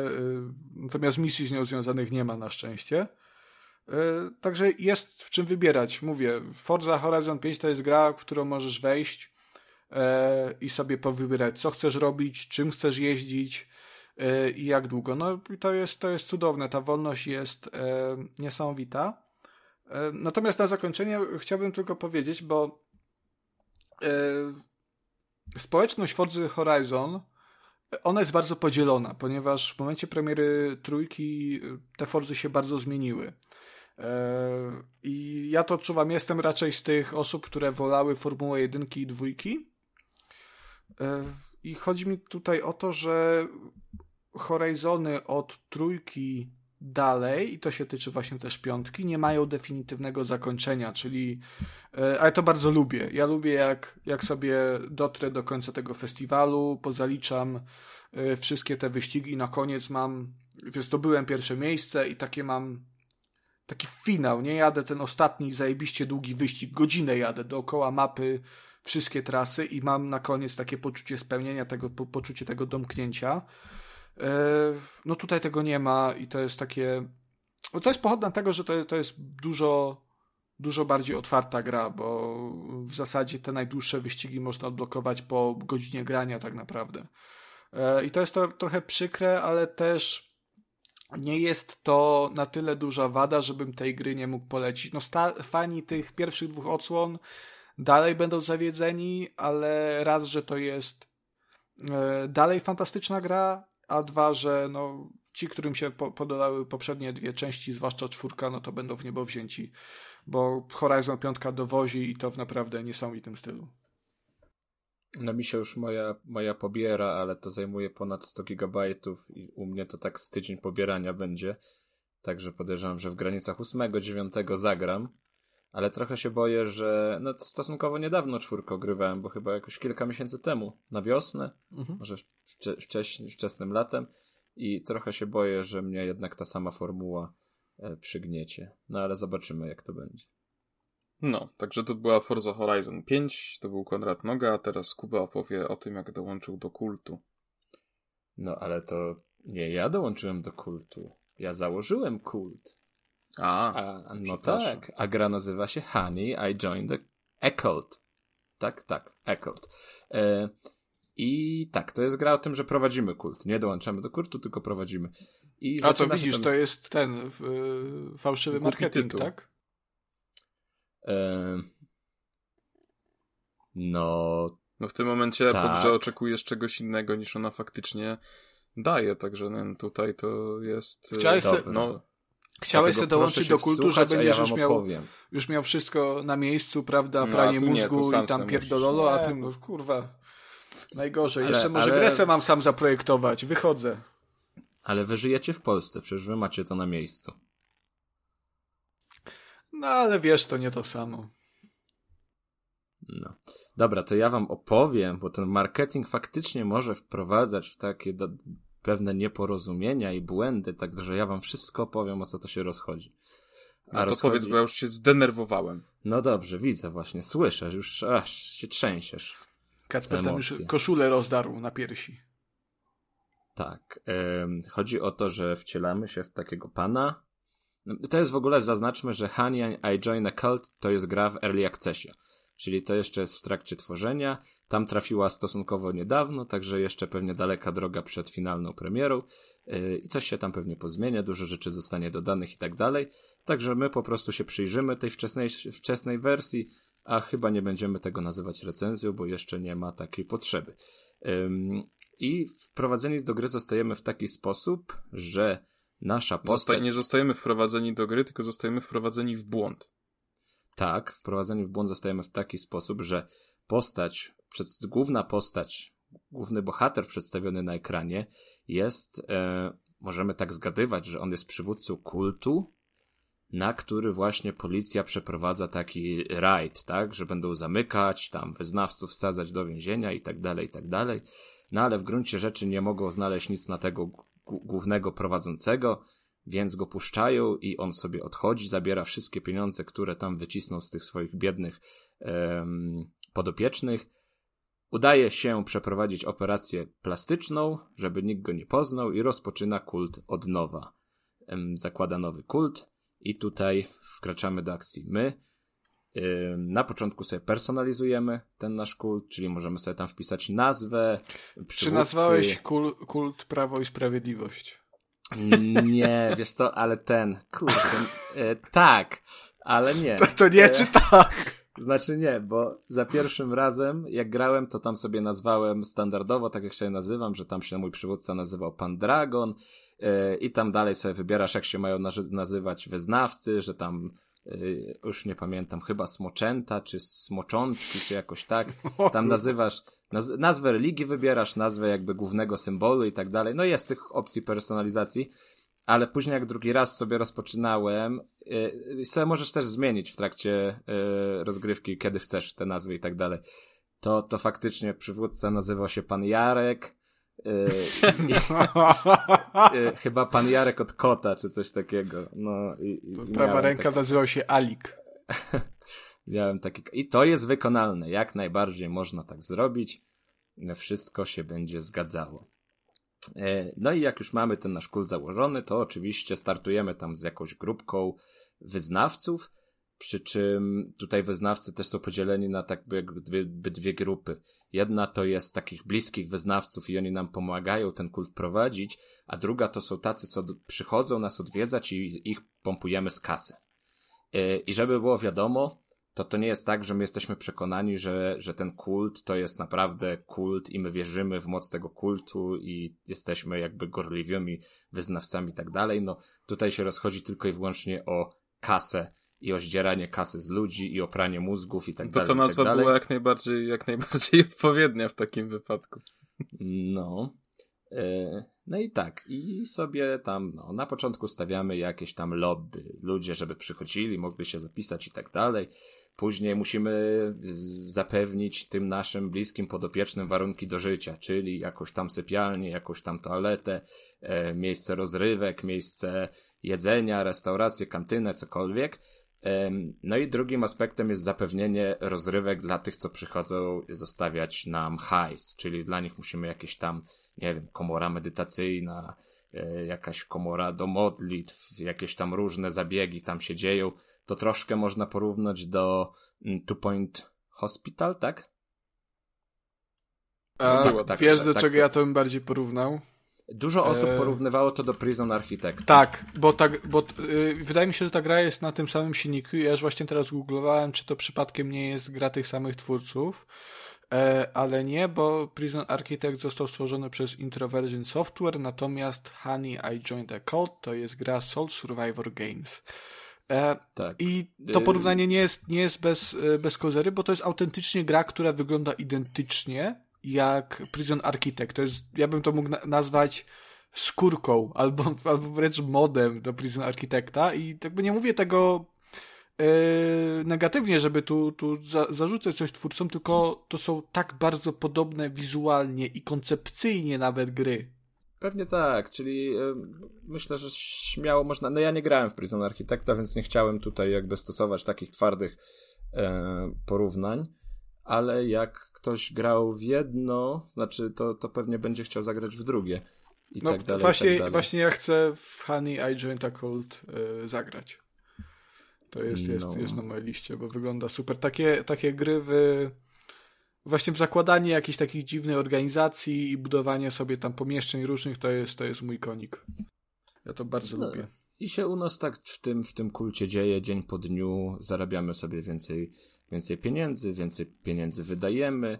E, W międzyczasie musimy no oczywiście zadbać, żeby też ta wewnętrzna ekonomia się spinała, czyli ci nasi podopieczni muszą mieć zapewnione rozrywki, z czasem się nudzą tym, co im oferuje, e, oferujemy, czyli musimy otwierać nowe i tak dalej, i tak dalej. No tam zawsze jest coś do roboty, tego mikrozarządzania na tym, em, tym poziomie dnia jest naprawdę, naprawdę sporo i, i można tam klikać i klikać i klikać. No i wpada się w ten syndrom, że okej, jeszcze jeden dzień, jeszcze troszkę tutaj pieniędzy zarobię, jeszcze coś tam zrobię, jeszcze zobaczę, mm, co tam się nowego odblokuje. Oczywiście to wszystko jest jeszcze okraszone takim dość specyficznym humorem, więc to też się fajnie chłonie. Wtedy, y, no i tak, tak, tak to jest. Mm. Jakichś tam większych błędów do tej pory y, nie zauważyłem. Nie wiem, może też trochę mi brakowało takiego jakby finalnego celu tych, tych całych moich starań, bo to chyba nie wiem, czy on jeszcze nie został dodany po prostu. Ym, czy, czy docelowo ma go nie być? Nie, no pewnie się coś mu, będzie musiało pojawić. Na razie to się opiera na tym, że sobie sami musimy jakby e, ten cel narzucać i sami sobie działać we własnym zakresie. No i co? I fajnie się klikało. Jest to takie wciągające, uzależniające. Mm. Zastanawiam się, co bym mógł jeszcze dodać o tej grze. Nie wiem, czy macie jakieś pytania? No, ja chciałem tylko A, powiedzieć, że widzisz, jeszcze części- cały. No, dobra, Okej. dobra, dobra, to pytaj. E, W tej drugiej części recenzji to brzmiało totalnie jak recenzja Konrada e, tej gry Hell's Architect, coś takiego? Coś tam z piekłem było w każdym razie. To No, to pewnie. To, słowo w słowo Konrad mówił dokładnie to samo praktycznie. To są pewnie. e, No, podobno to jest ten sam gatunek, wokół tego samego gatunku się kręci. Oczywiście tam oprócz prowadzenia tego kultu dostajemy jeszcze jakieś em, takie dodatkowe mm, mechaniki jak badania, tak? Przeprowadzamy badania, badania odblokowują nowe umiejętności, nowe pomieszczenia, możemy wysyłać naszych podopiecznych na misje, możemy rekrutować nowych, ci nowi rekruci też będą mieli swoje cechy osobowości, jedni będą e, bardziej przydatni, inni mniej, możemy tych wyrzucać, tych zatrudniać, werbować, e, możemy mm, oni zdobywają też punkty doświadczenia, także przypisujemy im punkty doświadczenia i później ich przypisujemy do zadań, które najbardziej im odpowiadają. No tak jak mówiłem wcześniej, jest sporo tego, tego mikrozarządzania. Yy, No i jak najbardziej mogę tę grę polecić dla kogoś, kto lubi taki gatunek. Powinien się tutaj odnaleźć. No mnie zachęciłeś, nie, nie powiem, że nie. Czyli wyprowadziłem, wy, wyprowadziłem was z błędu? Teraz już wszystko jest jasne? No niby tak, ale dalej, dalej uważam, Kacper się czuje niesmak pozostał, powinien tak? zostać zmieniony po prostu. No bo to... Dobra, to teraz ja wam może pozwolę wybrać. E, czy, chcie, czy chcecie posłuchać o magicznych narodach, czy o opowieści kozy? No. Oho. Yy, Te, Nie, no, jak się, jak ko- się zastanawiacie, koza. to tylko Koza. Koza, koza mówisz? Jak koza, no. to będzie szybko. E, od razu powiem, że jeżeli słyszycie teraz w tle jakieś mruczenie, e, to przepraszam, ale do składu dzisiejszego odcinka podcastu dołączył redaktor Kwiczek, e, czyli cudna kotka, która siedzi mi teraz na kolanach. E, tak, A czyli to nie chcecie... miało być Bebe Tigre? Bebe Tigre to było jak grałem w Far Cry, teraz jest Kwiczek. A, Bo kwika. Okej. No. współczuję twojemu dziecku w takim razie, które będzie miało co tydzień inne imię. Nie wiem, będzie miał Barabasz na imię i tyle. Będziesz, stał, będziesz będzie- stał pod szkołą i krzyczał wypuśćcie Barabasza. Dokładnie tak. Tylko mam nadzieję, że wiesz, że to nie będzie jakby to powiedzieć okrutnik, o. Okrutnik. E, dobra, czyli ch- chcesz posłuchać opowieści kozy. E, Do kozy chcę Opowieść- posłuchać, chcę, chcę posłuchać, do czego mnie tak usilnie kilka razy zapraszałeś. Właściwie zapraszałem, to mia- miałeś zaproszenie nie ode mnie. E, Zapra Od- zaproszenie od do. no, Od Adriana właśnie i No, dziękujemy a za, tak, za, za no ale ty mnie na Steam do wspólnego grania zapraszałeś. I nie chciałeś. No nie chciałem, bo nigdy mnie przy komputerze wtedy nie było. No, Jak nie zawsze byłeś zalogowany na Steam? No bo ja mówisz? jestem zawsze zalogowany Na na, telefonie. Steam, bo, bo Boże. przecież Dobrze. jak coś pobieram, to ja muszę, u mnie komputer chodzi prawie 24 na dobę, bo jak pobieram teraz Forze, no to jest, no to trwa. Od, od miesiąca robi preload. E, tak, ale grą, w którą Kuba nie chciał ze mną e, bardzo grać, e, jest Goat's Tale. E, I tak, za, za kod do gry dziękujemy Adrianowi po raz kolejny. E, to jest gra twórców gry, które, którą miał przyjść Kacper, e, czyli The Last Order Dungeon. No przecież przejdę. No Prawie już skończyłem. Czekamy dalej na tego screena. No z- i będzie.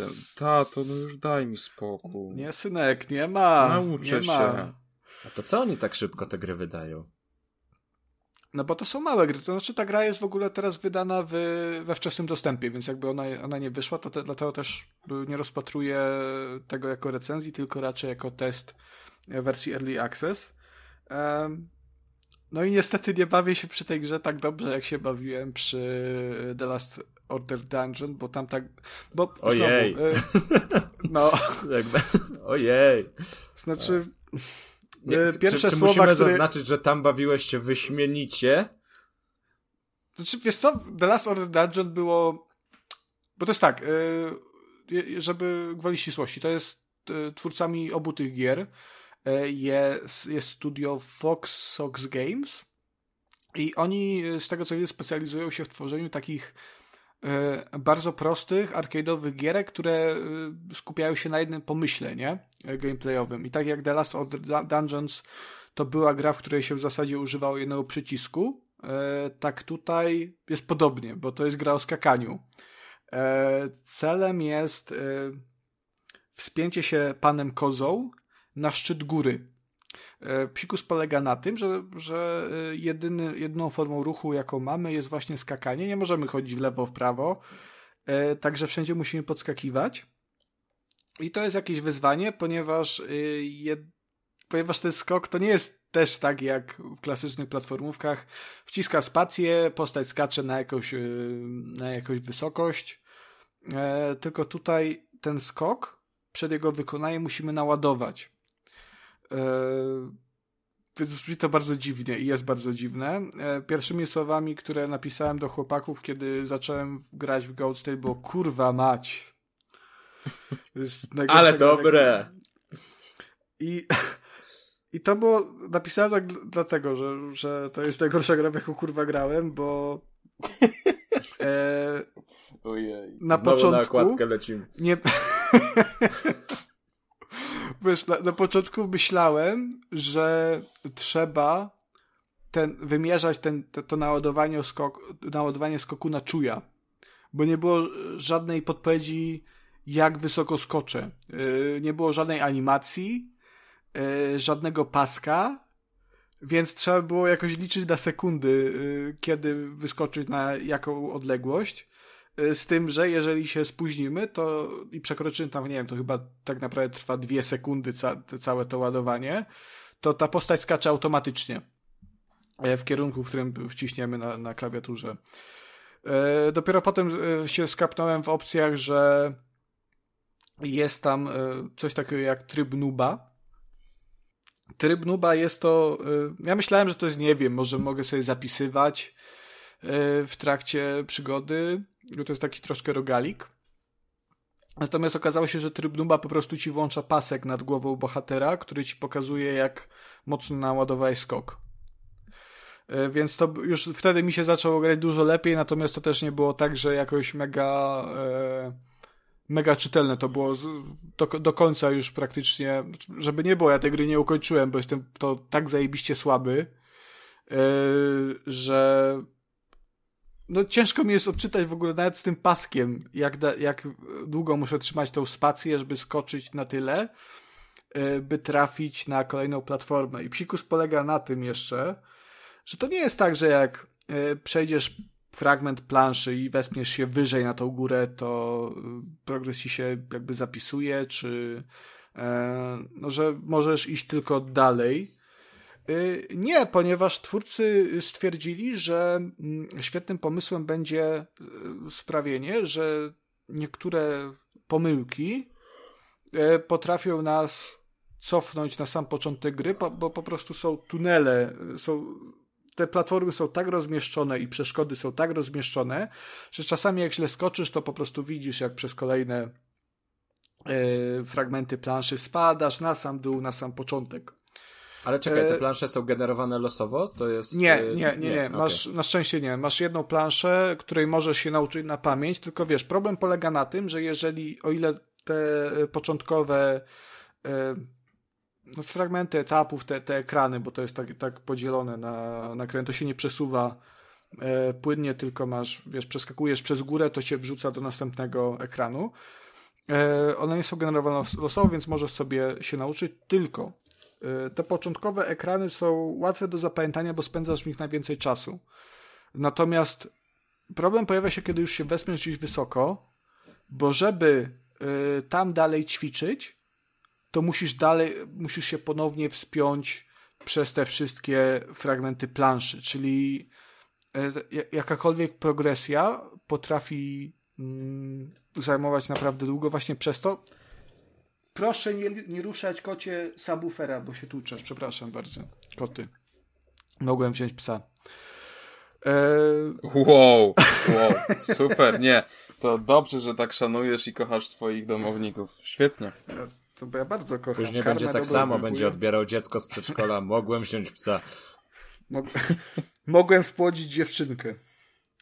Albo chłopca. E... Obrzydliwe. Dobra, mów o tych kozach, bo... Czekaj, na czym skończę? Bo mi kot przerwał. E, że, że frustrujące no jest to, że się Tak, no, trudno, trudno jest się tych późniejszych etapów planszy nauczyć, ponieważ tak mało czasu na nich spędzasz w kontekście tego, ile zajmuje dotarcie do nich, nie? Bo nawet jak się, jak się nauczysz, no to dalej y, wszystkie te skoki wykonujesz na czuja. To nie jest do, do końca coś, co możesz za każdym razem wykonać tak samo, no bo te, to ładujesz ten pasek. Nie jesteś fizycznie w stanie w tym samym momencie tego paska dokładnie y, tego skoku wykonać.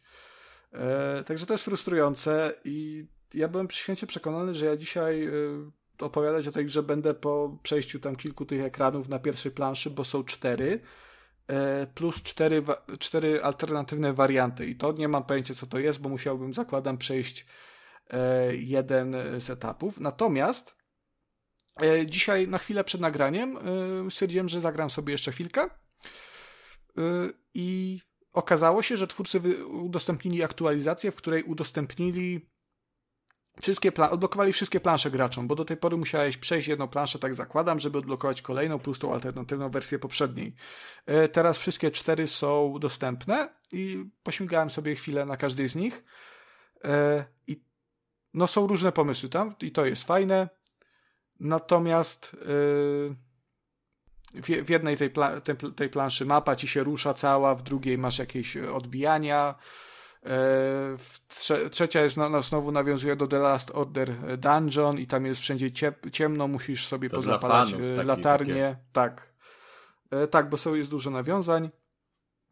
Natomiast no, uważam, że przydałoby się zrobienie jakichś checkpointów, czy jakiegoś jeszcze tego noob moda zaktualizowanie, żeby troszkę ułatwić tą progresję graczom, którzy no, są w to chujowi, tak jak ja. E, też możliwe, że to nie jest gra po prostu dla mnie e, i z pewnością tak jest. Natomiast no, w obecnej formie no, ja nie jestem zachwycony e, i kiedy spadałem gdzieś tam z któregoś piętra już tej, tej góry, no, no to zamiast takiego poczucia, że okej, okay, teraz mi się uda, tak jak to było w The Last Order Dungeon, E, i które by mnie tak motywowało, żeby próbować dalej, no to czułem raczej yy, raczej takie wkurwienie, przeklinałem yy, i stwierdzałem, że chuj, idę grać kurwa w Forza. Nie, bo The Last Order Dungeon to było to, że nawet jak ci nie wychodziło, to te postacie zdobywały doświadczenie i one się stawały coraz lepsze, więc no wiedziałeś, że nawet jak ci przegrywasz, to coś tam zyskujesz, tak? Te roguelike'owe elementy były a, a tutaj z tego, co mówisz, tego nie ma. Jeszcze jedna rzecz, która mnie nurtuje. Jakbym z tobą grał, to jakie by było moje zadanie? E, rywalizacja, bo tam są, e, dobrze, że mnie tym przypomniałeś, bo są dwa tryby e, właśnie multiplayer. Jednym jest zbieranie monetek, a drugim jest chyba, tylko tu skłamię, bo jest, wypleciało mi teraz z głowy, ale są dwa, dwa tryby, tryby rywalizacji ze sobą, także można grać albo lokalnie, albo przez sieć. I ta gra też oferuje Remote Play Together, czyli druga osoba, którą zaprosimy, nie musi mieć kopii tej gry, żeby z tobą zagrać. Tak jak, także jak zagrasz ze, ze mną w It Takes Two, to ja zagram z tobą w kozy. Dobra. Dobra. Czy wiesz co, ty lepiej na tym wyjdziesz, myślę jednak. A Kacper kiedy zagra w kozy? Grałem. O, to czego tak cicho siedzi? Bo ja nie mam nic do powiedzenia na temat tej gry. Była dla mnie za trudna i mi się nie spodobała, więc nie dałbym wyczerpującej recenzji, tak jak Konrad. Bo Konrad ma to takie, ja za, za to szanuję takie zacięcie, że nawet, nawet jeśli gra mu się bardzo nie podoba, to on i tak będzie przy niej siedział 5 czy 7 godzin, żeby jak najbardziej, jak najwięcej w nią pograć. No ja chociaż jak zacznę grę, która ma fabułę, to chociaż jest kiepska, to ją dokończę, to w przypadku takich gier e, bardziej niezależnych, jak mi nie siada, to po prostu się poddaje po chwili. No wiesz, to wynika też z tego, że czy znaczy jasne, jestem pojebany i ja mam coś takiego, że jak grę zacznę, to ją chcę skończyć. E, natomiast w przypadku y, tej gry, e, no bo ja nie lubię grać we wczesne dostępy, wolę zagrać w pełną wersję gry, jak już wyjdzie i raczej teraz poczekam, aż wszystkie poprawki się pojawią. Natomiast w tym przypadku też dochodzi to do tego to, że e, dostaliśmy do tej gry klucz, więc no wychodzę, no chcę jak jasne podziękować i też jednak jak najbardziej kompetentnie do tej recenzji podejść, więc to nie będzie tak, że ja sobie zagram 15 minut i okej, okay, chujowe, tylko jednak tą, tę grę będę, będę grał, nie? Więc no. To teraz taki pstryk w moją stronę, rozumiem? Nie, dlaczego? Dobrze. W tym jakże koleżeńskim. O, jakie nastroju. to było. Jak taki ten, jak ojciec. Dobrze, jeszcze zobaczymy. Będziesz coś chciał. W tej cudownej atmosferze. Ja teraz e, opowiem troszeczkę o Death Stranding.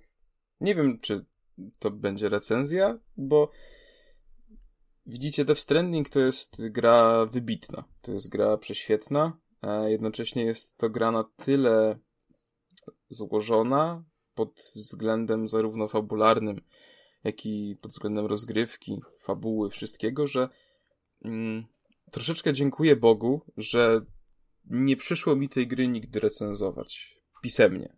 Bo, bo teraz też nie chcę jej recenzować, chcę po prostu o niej porozmawiać. Bo, to, to czego nie chcesz e, recenzować? Bo to by było strasznie duże wyzwanie i z moim podejściem do recenzji e, zakładam, że recenzja Death Stranding byłaby e, nawet dłuższa niż o, kurwa, dobra, 22. to porozmawiajmy. Dobra. e, to jest jedno, a drugie to jest to, że mm, w takiej, jeśli chcielibyśmy o tej grze porozmawiać bardzo sensownie, to musiałaby być to dyskusja jak najbardziej spoilerowa. E, a ja oczywiście. Nie, nie, Kasper, już, już mi Kubie się dostało za spoilery, te, także za co przepraszamy. E, poprawimy się, natomiast ty pozostań nienaruszony pod tym względem, taki dziewiczy. Dobrze. No, to ja w takim razie e, pozostanę dziewiczy. Więc e, e, na początku tylko zaznaczę. Ja grałem na PlayStation 5 w wersji z PS4. Grę tę w ogóle, tutaj też taki lekki shoutout muszę podziękować, znaczy nie muszę, chcę podziękować za, za, za to Bartkowi Gabisiowi, który grę mi dorzucił jak kupowałem od niego Switcha. To, to był taki prezencik dla mnie i Um, Taki ta gra przede... srogi prezent, bo ta gra to jest warta no. tyle, co to Wii. Nie, czekaj. Ja Switcha A Switcha, dobra. Tak. E, więc y, ta gra przeleżała u mnie ponad rok. Jest mi za to bardzo wstyd i, i, i uważam, że było to akurat kiepskie zachowanie, no bo trochę kiepsko potraktowałem ten prezent.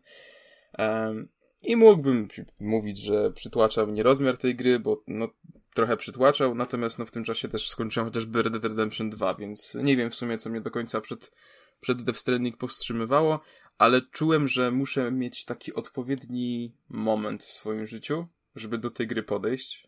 E, czy teraz taki był, nie wiem, bo mam ostatnio trochę mało czasu na wszystko, ale ale gdzieś mi się udało upchnąć, zarywać nocki i tak dalej, e, żeby to Death Stranding ograć i jestem prze, przezadowolony, że taką decyzję podjąłem, e, bo, bo było to doświadczenie niesamowite. Zacznijmy może od tego w ogóle, na czym się skupia fabuła. No fabuła tutaj jest totalnie pokręcona i ja wam mogę tylko powiedzieć skrawek tej fabuły, bo nie chcę po prostu czegokolwiek czegokolwiek spoilerować, a tutaj właściwie właśnie to jest ten problem, że co ja bym nie powiedział e, dobrego, to, to, to będzie duży spoiler.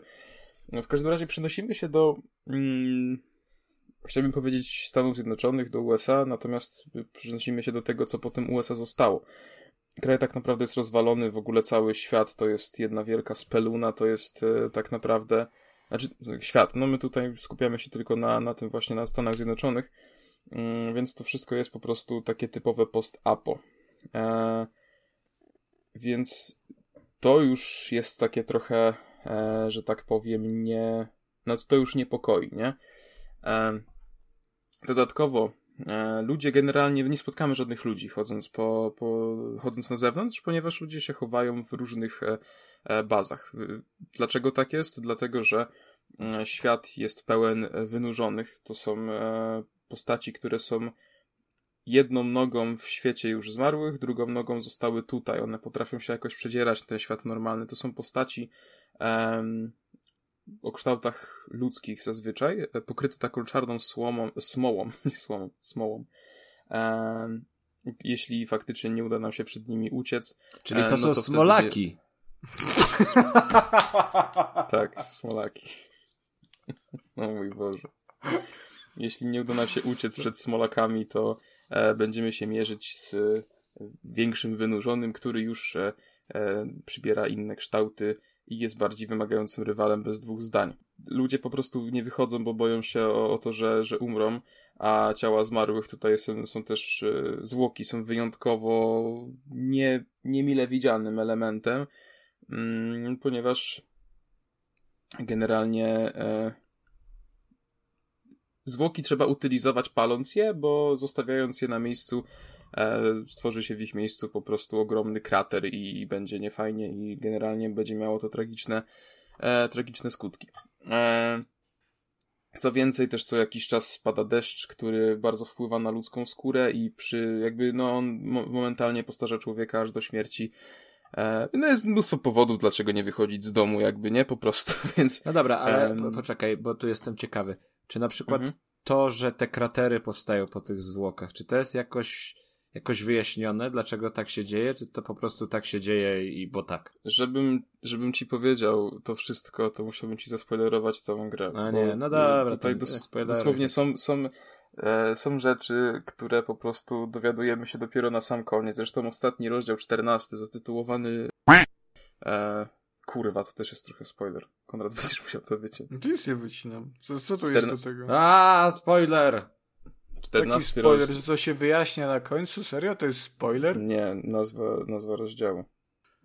14 rozdział chociażby skupia się głównie na wyjaśnieniach właśnie wszystkich takich niedo, niedopowiedzeń. Eee... No w każdym razie, no po tym świecie chodzą tylko kurierzy. My się wcielamy w jednego z nich, który nazywa się Sam Porter Bridges. E, którego gra Norman Reedus, którego możecie znać chociażby z e, The Walking Dead serialu. E, I on jest człowiekiem na tyle specjalnym, że jest po prostu odporny na te wszystkie niebezpieczeństwa czyhające na zewnątrz.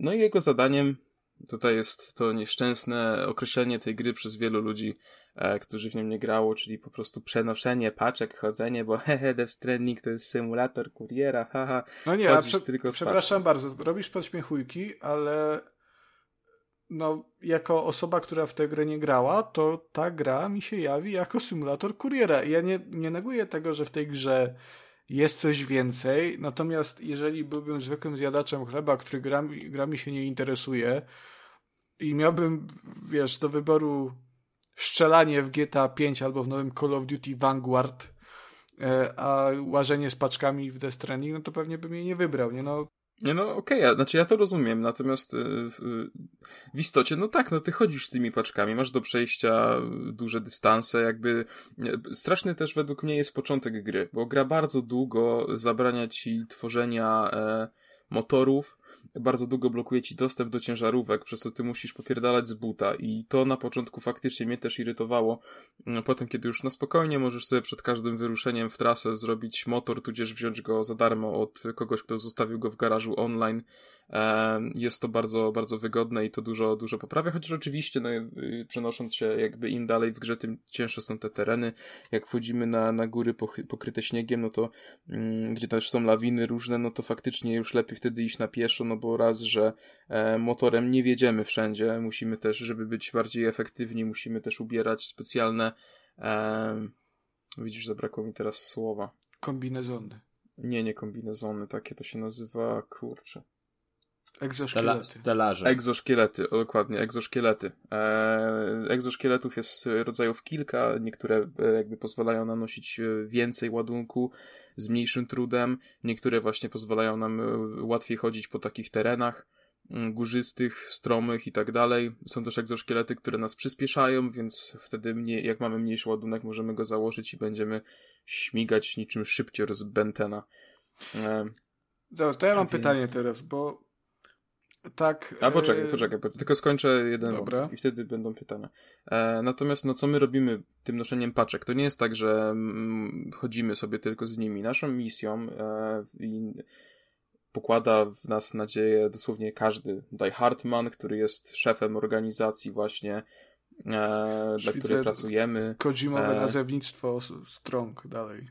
E, między innymi jeszcze mm, prezydent Stanów, której coś się stało na początku, ale ona też bardzo w nas wierzy e, i my musimy po prostu dostarczyć materiały, które pozwolą e, tworzyć węzły między stacjami e, i podłączać je wszystkie do sieci chiralnej. Jeśli podłączymy wszystkie te bazy do sieci chiralnej, można powiedzieć, że odbudujemy cały kraj i to właśnie tak to jest nazywane. Nasza rola kuriera nie jest tylko tym, że chodzimy od punktu A do punktu B, ale no to jest jakby jednak większa, dużo większa misja. Eee, no dobrze, ale to teraz. Ale, ale to czekaj, bo to tak brzmi, jakby to była większa misja, ale to się chyba sprowadza do bycia kurierem, czy nie? To właśnie to jest moje pytanie, bo tak wyśmiało wszystkich, że aha, ha, ha, ludzie o tam mówią, że symulator kuriera, symulator kuriera, ale tam jest dużo więcej. A potem mówi, że no, w sumie celem tej gry jest y, dostarczanie paczek y, rządowych i tylko tam trzeba coś jeszcze podłączyć do sieci chiralnej. No to wiesz, chodzi mi o to, że jasne, ja wiem, że to jest gra, to jest gra Kojimy, więc spodziewać należy się zawiłej fabuły, która jest no, ciekawa i pewnie po zakończeniu cię zostawia z takim o kurwa, nie? No bo wszystkie Metal Gear Solidy skończyłem i bardzo mi się to podobały i w sumie te fabularne jakieś tam dziwactwa też, Kojimowe. E, natomiast dalej to, co opisujesz, to jest symulator kuriera, no. I opowiada, że no, musisz tutaj sobie motora kupić, egzoszkieleta, to wtedy więcej paczek sobie przeniesiesz i będziesz wydajniejszy, no to, no, on. No i właśnie widzisz, dlatego ja totalnie nie chciałem o tej grze dzisiaj rozmawiać. To, to jest to, co mówiłem. Nie, bo... No dobra, to Kasper, zróbmy tak, bo ja jestem zainteresowany Death Stranding od dłuższego czasu, e, mhm. tylko to nie jest gratanie. To po pierwsze, bo ona tam nawet na tak. promocji swoje kosztuje. Ja za każdym tak. razem, jak się zastanawiam, czy kupić Death Stranding, czy jakąś inną grę, to mam takie, mm, nie, to może na następnej promocji kupię. Boję się autentycznie, że, że się odbije od tej gry przez gameplay. Znaczy niewątpliwie to nie jest gra dla każdego, no mi to po prostu bardzo podpasowało. To jakby e, rozgrywka skupia się na tym, że tak przednosimy paczki z miejsca do miejsca. Jednocześnie e, to też nie jest tak, że latamy w te i we w te i my... To, w sensie to też jest bardzo dobrze zrobione pod tym względem, że na przykład podpinając pewny obszar do sieci chiralnej, jakby uzyskujemy dostęp do pewnych elementów pozostawionych przez innych graczy, które my też możemy sami tworzyć. Te elementy to jest na przykład e, taki lina spi spinaczkowa, która pozwoli nam bez kłopotu wejść na wysoką górę. To są drabiny, które można układać i poziomo i pionowo. To są chociażby w późniejszym etapie e, garaże e, czy kryjówki, do których możemy zejść, odpocząć, naładować baterie w akumulatorach, e, poprawić stan eudeka. o którym zaraz też opowiem, i tak dalej, to, to są też tyrolki, które w późniejszym etapie produkcji, jeśli będziemy faktycznie bardzo za, jakby w to wkręceni, to będziemy mogli zrobić taką sieć tyrolek i dostać się w jedno miejsce bardzo, który składa się z bardzo trudnego terenu właściwie w chwilę. To będzie wymagać od nas dużo pracy, ale jeśli te prace wykonamy, to potem będzie to szło jak spłatka. E, możemy też na, na, na kolejnym etapie gry e, budować drogi, e, które wymagają sporo materiałów, ale potem nasze akumulatory na tych drogach się nie wyczerpują, więc możemy sunąć motorem bez kłopotu. Te drogi e, w niektórych, no w ogólnie one raczej lewitują, powiedzmy, e, więc pomijamy wszelkie trudności związane z pokonaniem danej trasy. E, e, ale jeśli dojdziemy już do pewnego momentu, do, do jakiejś specjalnej bazy, oczywiście jest to sporo questów pomniejszych, które mnie też irytowały. Ja nie powiem, że nie, bo jeśli staram się pchać fabułę do przodu, mm, a w istocie chodzę, e, powiedzmy, robię trzy questy, które nie, nie doprowadzają mnie do niczego, to można się trochę sfrustrować. Najbardziej ta gra łapie wiatr w żagle w drugiej połowie kiedy jest spory nacisk stawiany na fabułę i poznajemy sporo ciekawych postaci. E, wydaje mi się, że chyba nazwy postaci mogę wymienić, to, to, to nic przecież nie zaspoileruję. Natomiast jeśli poznamy takie postaci jak Mama, e, potem e, Lokne, e, jak e, przepraszam, nie Die Hardman, tylko właśnie po prostu Hartman. Mm, hard w sensie, że serce po angielsku, bo Die Hardman to jest y, Die Hard przez D. Czyli szklana więc... pułapka. Tak, szklana pułapka człowiek. E, I e, to są postaci, czy tak jak potem e, będziemy mieli więcej do czynienia z Deadmanem. To jest naprawdę e, fabuła, to jest po prostu złoto. E, ja też muszę tutaj powiedzieć, że dobór aktorów e, tudzież po prostu postaci mi się bardzo podobał, bo Norman Reedus, chociaż ja wcześniej nie miałem z nim za dużo styczności, nie będę, nie będę kłamał, bardzo mi się spodobał, natomiast ja po prostu kocham Matsa Mikkelsena, uwielbiam tego faceta i chociażby w filmie Netflixowym Polar, w którym on grał, chociaż sam film był co najwyżej ok, mi się całkiem podobał, ale to był tylko taki zwykły akcyjniak, nic specjalnego, natomiast sam Mats Mikkelsen był tam po prostu przecudowny. Mm, tutaj gra pewną bardzo zawiłą rolę, o której nie będę mówił, bo, bo to akurat już byłoby za dużo. E, ale polecam, bo jest fenomenalny. Dodatkowo właśnie Guillermo del Toro w roli Deadmana też sprawdza się świetnie. No tam po prostu wszystko gra fabularnie i e, jak, jak to w grach Kojimy, tak? Dostajemy e, cutscenkę na 20-30 minut, ale to po prostu się ogląda z otwartą mordą. I jak Krótka często... No, jak często łapie się na tym, niestety w grach, że jak jest dłuższy fragment e, jakiejś cutscenki, to sięgam po telefon i przeglądam sobie coś tam, no to w Death Stranding tak nie było, bo to po prostu wszystko jest tak wspaniałe, tak zawiłe i tak dobrze zrobione, że jest to naprawdę wow. I jakby to nasze, powiedzmy, chodzenie jest wynagradzane. E, są też misje, które są trochę czymś więcej niż chodzenie, bo na przykład musimy się udać na teren wynurzonych, żeby zebrać pewne rzeczy. E, tam jakby się wkrada taki element trochę skradankowy. Ale jak w ogóle, bo skoro tych, no bo tych wynurzonych nie widać e, na go, gołym okiem, to jak my ich rozpoznajemy? No właśnie mm, po to nam potrzebny jest ten eudek, czyli to dziecko w dzbanku, jak się wszyscy śmiali, czy tam w słoiku, które trzymamy na brzuchu, Eudek to jest e, mm, to jest e, stwierdzenie używane w grze, od razu mówię, to jest narzędzie, które ma właśnie po prostu umiejętność wyczuwania wynurzonych. Ono jest połączone z tym, to na pewno widzieć na, na trailerach, z ramienia sama wychodzi takie taki pałąk z tymi czterema odnogami, który się tak rusza i zmienia kolory i się kręci. Jak wyglądaliście zwiastun, to wiecie o czym mówię. Wiatraczek. To właśnie nam po... Wiatraczek, okej, okay, można tak to nazwać. E, o, ten wiatraczek właśnie nam pokazuje, w, w którą stronę są e, wynurzeni. Natomiast wiatraczek przestanie działać, jeśli nie będziemy dbać o naszego eudeka. W związku z tym, jeśli biegnąc się potkniemy i się wypierdolimy, to poza zbieraniem całego ładunku i odzyskiwaniem krwi poprzez jedzenie kryptobiotów, albo, czyli takich robaków latających, albo używanie worka z krwią, e, będziemy musieli poświęcić chwilkę na to, żeby machając kontrolerem uspokoić naszego eudeka i dać mu poczucie ciepła, że nic się nie stało, że wszystko jest dobrze. Jeśli nie będziemy o niego dbać mm, i będziemy na przykład zanurzać w wodzie, e, to pojemnik z, z eudekiem e, będziemy co chwilę się gdzieś wywracać, będziemy go narażać na niebezpieczeństwo, e, no to on po prostu w końcu przejdzie w jakiś tam stan, który jest jakoś nazwany w tej grze i po prostu będzie miał wyjebane, nie będzie nam więcej pomagał. Bo... Ja przepraszam, ale ja się teraz nie mogę powstrzymać od śmiechu, bo mi się przypomniała impreza z okazji Dnia Dziecka, którą mieliśmy kilka lat temu. Też żeście dziecko w słoiku trzymali? nie, ale to, to właśnie a propos tego wypierdolenia się była taka sytuacja, taki konkurs, że, że mamusie no musiały, musiały biegać z dziećmi na rękach i po prostu która pierwsza przebiegnie do mety. I była jedna mamusia w butach na szpilkach i ona się właśnie tak wypierdoliła z tym dzieckiem, że nie, nie zadbała odpowiednio o dziecko.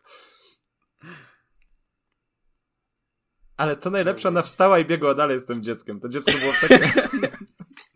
Bo jednak nie można było przegrać. To dziecko było w takim silnym szoku, że tam od razu szkolna, szkolna pielęgniarka podbiegła to, to, to, zobaczyć, co się tam dzieje. Ale nie, ojej, ojej. Dobrze, przepraszam za, te, za tę dygresję. No, także no, na późniejszym etapie produkcji nie będziemy musieli pomijać tych wynożonych, będziemy też mogli ich po cichu eliminować y, w pewien sposób. E, więc generalnie, no. No i dochodzimy do momentu, kiedy. E, aha, dobra, to jeszcze powiem jedną rzecz, właśnie a propos rozbudowy e, całego świata. Ja, co prawda, na tym elemencie gry się za bardzo nie skupiałem, bo ja, nie, znaczy, ja nie jestem tego typu graczem. Ja raczej nie ładuję setek godzin w jedną produkcję, więc tutaj tym bardziej zależało mi po prostu na fabule. Chyba, ale możecie właśnie. chyba, że to nie. Albo Fipka. Mogę już, proszę? W co? A Fifka? Fifka. Fifka. No dobra, symulator Więc kuriera dajesz. Możecie budować mosty, możecie budować akumulatory, czy takie jakby, nie akumulatory, przepraszam, takie narzędzia, które właśnie ładują wam akumulatory, e, czy to właśnie w e, egzoszkieletach, czy to w waszych pojazdach. E, potem też dochodzą takie elementy, jak chociażby na przykład ocieplacze. Jeśli długo chodzicie po górach śnieżystych, warto sobie taki ocieplacz zainwestować w niego, bo on bardzo pomaga. E, jest też właśnie, bardzo mi się podoba w tej grze fizyka, bo musimy dbać, jeśli mamy duży ładunek, musimy dbać o to, w jaką stronę sam ma się bardziej przechylać. Jeśli schodzimy ze, stromej, e, ze stromego szczytu, musimy trzymać odpowiednie przyciski, żeby on po prostu ten mm, ładunek trzymał, pilnował, żeby się nic z nim nie stało. Jeśli mamy na przykład za wysoką, za, za dużą ilość rzeczy na plecach, a wejdziemy do budynku, którego sufit jest niżej niż nasz ładunek, no to naturalnie wszystko spadnie e, dosyć dużym hukiem e, i w związku z tym może się to na przykład też zniszczyć. E, podczas naszej kariery kuriera będziemy też e, przenosić bardziej takie e, delikatne przedmioty, które też możemy znaleźć na przykład na polu i w sensie na zewnątrz i potem je do odpowiedniego miejsca przenieść. I są to takie rzeczy jak na przykład ceramika, która jeśli raz nam spadnie, albo na przykład będziemy jechać na motorze i po jakichś kamieniach będziemy się telepać, no to ona po prostu zniszczy się bardzo szybko. Ale będziemy też przenosić na przykład bomby, um, które jak spadniemy z dużej wysokości, znaczy no tak, z takiej średniej wysokości, że po prostu sa samym potrzepie, no to ona wybucha i jest jakby koniec i musimy zaczynać e, od ostatniego punktu zapisu. E, jest więc tego sporo. Podoba mi się też bardzo w tej grze to, że mm, tak jak mówiłem o to, że trzeba dbać o tego eudeka, e, tak samo musimy uważać na przykład jeśli pijemy, bo mamy też manierkę z Monsterem, dosłownie z Monster Energy. Żeby się z dziecka e... przypadkiem nie napić przez e... Nie, to akurat nie możesz, bo dziecko jest zamknięte w słoiku. E, Monster odbudowuje ci kondycję. No nie natomiast... to jest sprawę, jak to absurdalnie. Wiem. Natomiast im więcej tego pijesz, no to tym więcej się gromadzi w mm, pęcherzu sama. I musisz też dbać o to, żeby sam e, regularnie sikał, ale też nie możesz tego robić wszędzie, nie? Bo jeśli jesteś na terenie e, powiedzmy niedaleko jakiejś bazy, no to nie możesz wyciągnąć. Nawet raz chciałem się wysikać chwilę przed bazą, e, to sam rzucił kwestię w stylu, no przecież nie wyciągnę przy nich fiuta do kurwy nędzy, nie? Więc to jest e, też takie fajne smaczki, że sam często jak chcesz zrobić coś głupiego, to sam się zwraca do ciebie, albo na przykład jeśli idąc e, prostym szlakiem, ale nie przypilnujesz tego, żeby ładunek był po dobrej stronie i się wypieprzysz, e, to sam wstaje i takim obuszonym głosem mówi, kurwa serio? Nie? I to jest bardzo, też bardzo fajny smaczek. E, więc e, jest tego naprawdę dużo i można byłoby to omawiać do końca, e, znaczy do końca dnia mógłbym o tym mówić. Są też różne rodzaje broni. Są bronie dla wynurzonych, są bronie dla ludzi, bo też oprócz wynurzonych zagrożeniem, o tym nie powiedziałem, zagrożeniem są też muły, tak nazywani ludzie, którzy porobili sobie bazy na zewnątrz, na, na dworze i oni po prostu czekają na kurierów, żeby ich ograbić, no i generalnie też zabić, więc musimy na nich uważać, ale to są, to nie są wynurzeni, to są po prostu ludzie, więc na nich zwykły pistolet e, da radę. Chociaż na początku nie mamy takiej, a, takiej mocnej artylerii, więc musimy używać splotu, e, czyli ich po prostu związać sznurem, nie? Co jest trochę trudniejsze, ale też fajnie działa całkiem. Mm, jest tam naprawdę sporo takich zaawansowanych mechanik, y, gdzie y, grając w Death Stranding musisz zwracać uwagę na rzeczy, na które nie zwracasz w ogóle uwagi w innych grach i nawet byś nie pomyślał, że możesz na, na takie rzeczy w grze wideo zwracać uwagę. E, więc y, jest to dzieło niewątpliwie wybitne. E, I mówię, no głównym konikiem według mnie jest jednak ta fabuła, e, o której nie chcę mówić, bo bo nie chcę spoilerować tutaj, chyba że, nie wiem, słuchacze wykażą zainteresowanie, możemy, mogę zrobić, nie wiem, nie, nie będę robił wam odcinka, ale jak będę spoilerowo opowiadał, bo wy nie graliście, a Kuba chce zagrać, Konrad nie wiem. Ja też chcę zagrać, oczywiście, oczywiście, że chcę. W każdym razie, no jest to, fabuła jest po prostu przecudowna i jednak można się śmiać z Kojimy, tak jak Konrad się śmieje, że on ma wyjebane ego, że coś tam, coś no tam. bo ma. Ale bo prawda ma. jest taka, że jego gry pod względem fabularnym to jest po prostu kosmos. To jest bajka, to jest coś niesamowitego i dla mnie Death Stranding jest i tak trochę arcydziełem, natomiast y, w sensie jako fabularnie to jest arcydzieło.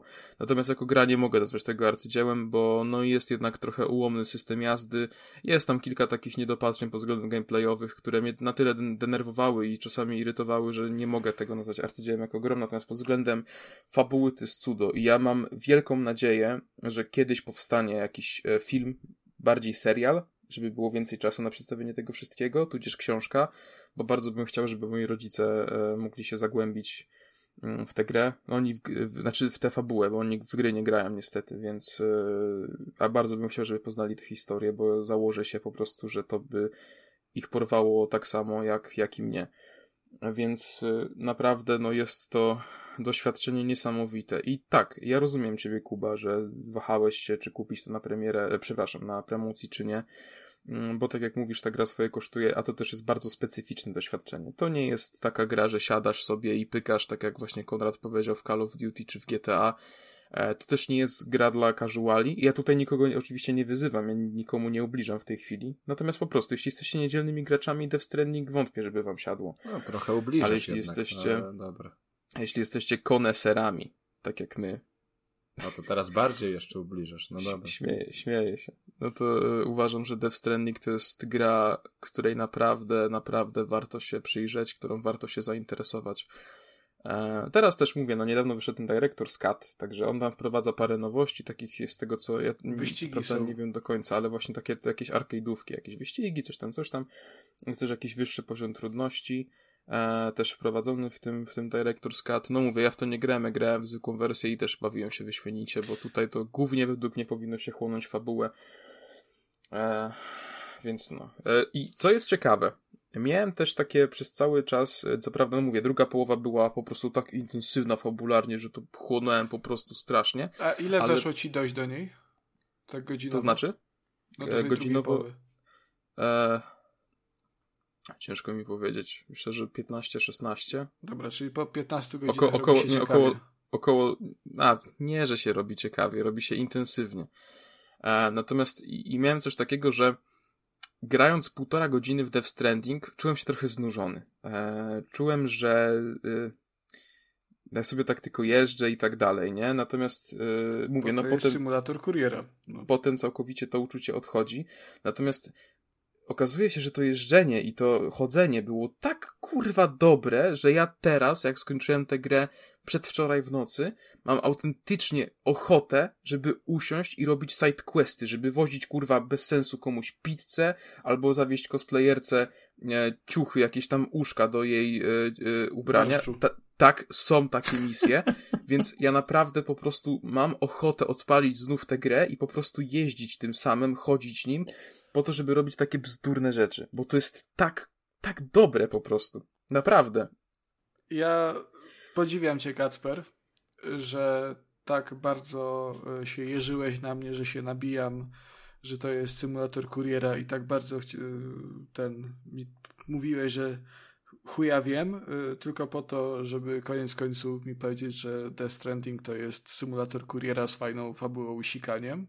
No to widzisz, to jest właśnie takie... Natomiast... To jesteś, to jesteś typowy ty. Ale osta, właśnie, osta, ale ta, daj mi skończyć. Nie, nie, nie, daj mi skończyć. No, bo ja nie rozumiem dlaczego ty uważasz, że ja mówią, mówiąc o tym, że to jest symulator kuriera, uważam, że to jest zła gra. Wręcz przeciwnie. To jest dla mnie intrygujące, ponieważ ja się zajebiście bawiłem w takiej grze, która, która nazywa się Madrunner, czyli grze, w której kurwa przez kilkadziesiąt godzin nie robisz nic innego poza wożeniem bel, drewna po bagnach gdzieś tam na jakiś wypizdowie w Rosji. Ja skończyłem tę grę i skończyłem wszystkie jej dodatki, kupiłem wszystkie jej dodatki i zajebiście się przy niej bawiłem. Więc ja bardzo lubię tego typu gry. Ja nie rozumiem, dlaczego dla ciebie hasło symulator kuriera od razu znaczy, że to jest zła gra. No to jest, tak wygląda to się, gameplay znaczy się, tutaj. Mi się chodzi o to po prostu, jak ludzie tam w internecie o to płaczą. I naprawdę nazwanie Mi się wydaje, prostu, że to że... się to się gryzie z, art, z artyzmem twórcy po prostu. To, nie, to są niepasujące słowa do koncepcji. Znaczy, to jest straszne spłycenie całości. To jest po prostu takie ubliżenie tej grze. To jest, to jest to samo, jakbyś powiedział takiemu mm, zagorzałemu fanowi Call of Duty, że no, kurwa, chodzisz i strzelasz się tylko. No bo no, na tym gra polega, no. Albo, nie wiem, tak jak w Forzie, no, no kurwa, jeździsz z autem i to wszystko. I można no, tak powiedzieć. No tak, to można, tak naj, ale, najbardziej można, bo jeżeli ale chcesz komuś wyjaśnić pokrótce o czym jest gra, całości. No dobrze, ale dlatego potem mówi, że ale jest mega fabuła i warto w to naprawdę zagrać, nie? No, ale koniec końców wszystko sprowadza się do tego, że to jest symulator kuriera, w której przez większość gry chodzisz i wozisz paczki.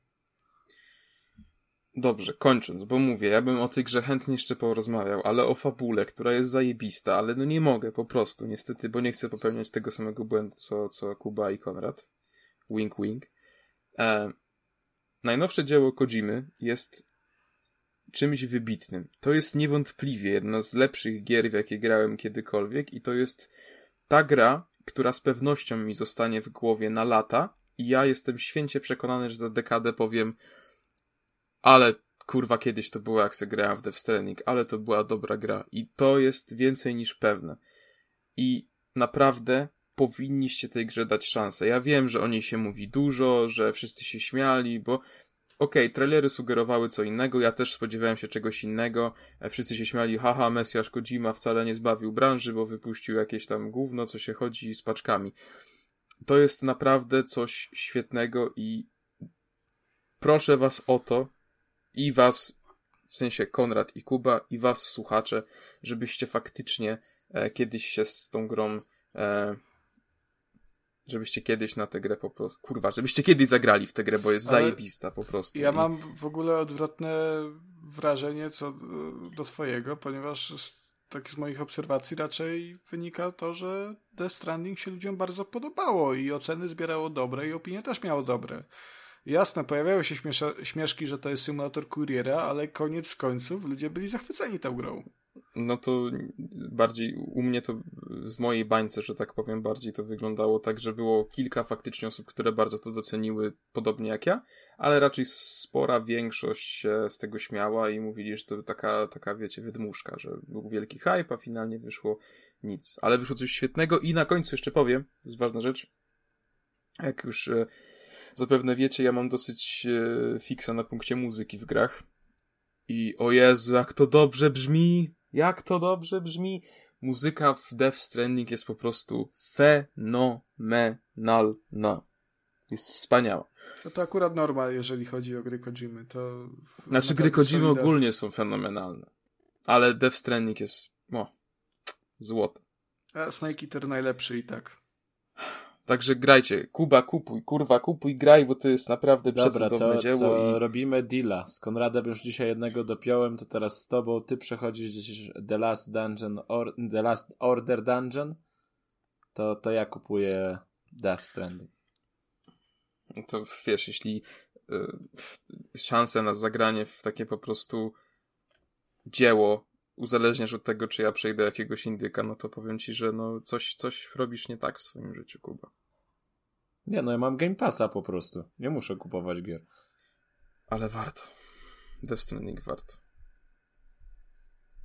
Dobrze, także no to nie wiem, mówię, no nie czy to można nazwać recenzją, raczej nie, bo to jeszcze jestem za, za świeżo po, po rozgrywce, żeby e, móc tak na chłodno o tym wszystkim opowiedzieć. E, mówię, no to co wspomniałem też o tej fabule, no to jest dla mnie główny konik i nie, nie chcę spoilerować, także na tym po prostu zakończę, ale no jest to świetne, świetne. Dobrze, a teraz Konrad opowie o grze Magic Nations. Ale poczekajcie jeszcze chwilkę, zanim przejdziemy do następnej recenzji, bo już tak To mamy ponad, nie. ponad dwie godziny na liczniku nagrywającym. Myślę, że Tak. czas pozdrowić Roberta. To jest ten, to jest ten moment. O! O! Tak. Racja. O, właśnie, bo Racja. opisów Robertowi nie wysłałeś, Kacper. A ja pierdolę, nawet tutaj. No, także Robert, przepraszamy Robert. Robert, zrobię. Myślałem, Wyślę że, że przy recenzji Forzy wspomniemy, że nie da się wysiadać z samochodu, ale no za wcześnie Nie, było. To było Teraz za bardziej pasuje, bo ten, bo Robert chce od nas, y, opi- od Kacpra znaczy, opisy y, tych, do, me, do rankingu Metal Metal Gear, Gear, no. Solidów. Y, No, y, i ten, i, Kurwa, czułem, czułem! jutro mu wyślę. Y, No, ja też. No, też ale. Robert, pozdrawiamy cię i przepraszamy, no, żeśmy tutaj, prawda, tak trochę cię, Zawalili sprawy. wiesz jak jest, no, życie, prawda. Po prostu jesteśmy nieodpowiedzialni. Jest- No. Te, te paczki same się nie, do, nie dowiozą, nie? Te, Ja myślę, że y, już doszliśmy do takiego etapu, że naprawdę Robert musi się pojawić w którymś odcinku, bo to już jest aż, aż głupie po prostu, że o nim wspominamy już co, co epizod od chyba trzech odcinków, a jego jeszcze tutaj nie usłyszeliśmy z nami, także Jak to tak? To mu, musi być, musi być. O. to wcale, to wcale nie tak, że zapraszaliśmy go, ale odrzucam nasze zaproszenie. Bo jeszcze jesteśmy za mali na Roberta, wiesz, to jest. Nie, Robert taki nie jest. Także Robert, zaprasza, jesteś, zostałeś zaproszony na antenie, no teraz, teraz nie możesz się już wymigać. Dobra, No. Magic Nations. Y, Magic Nations y, to jest chyba gra, y, której, do której recenzji jestem najmniej kompetentny. Najlepiej by, to w sumie nie wiem, no chyba, chyba Kacper byłby, byłby najmniej. Aha, kurwa! be- Ale mamy Ale silną, tak. silną ekipę. nie wybieramy, nie wybieramy kto jest najbardziej, tylko kto jest najmniej. To idzie do ciebie. To... No ale jakby nie mogło pójść do nikogo innego, bo dostaliśmy kod na Xboxa, a Xboxa posiadam tylko ja.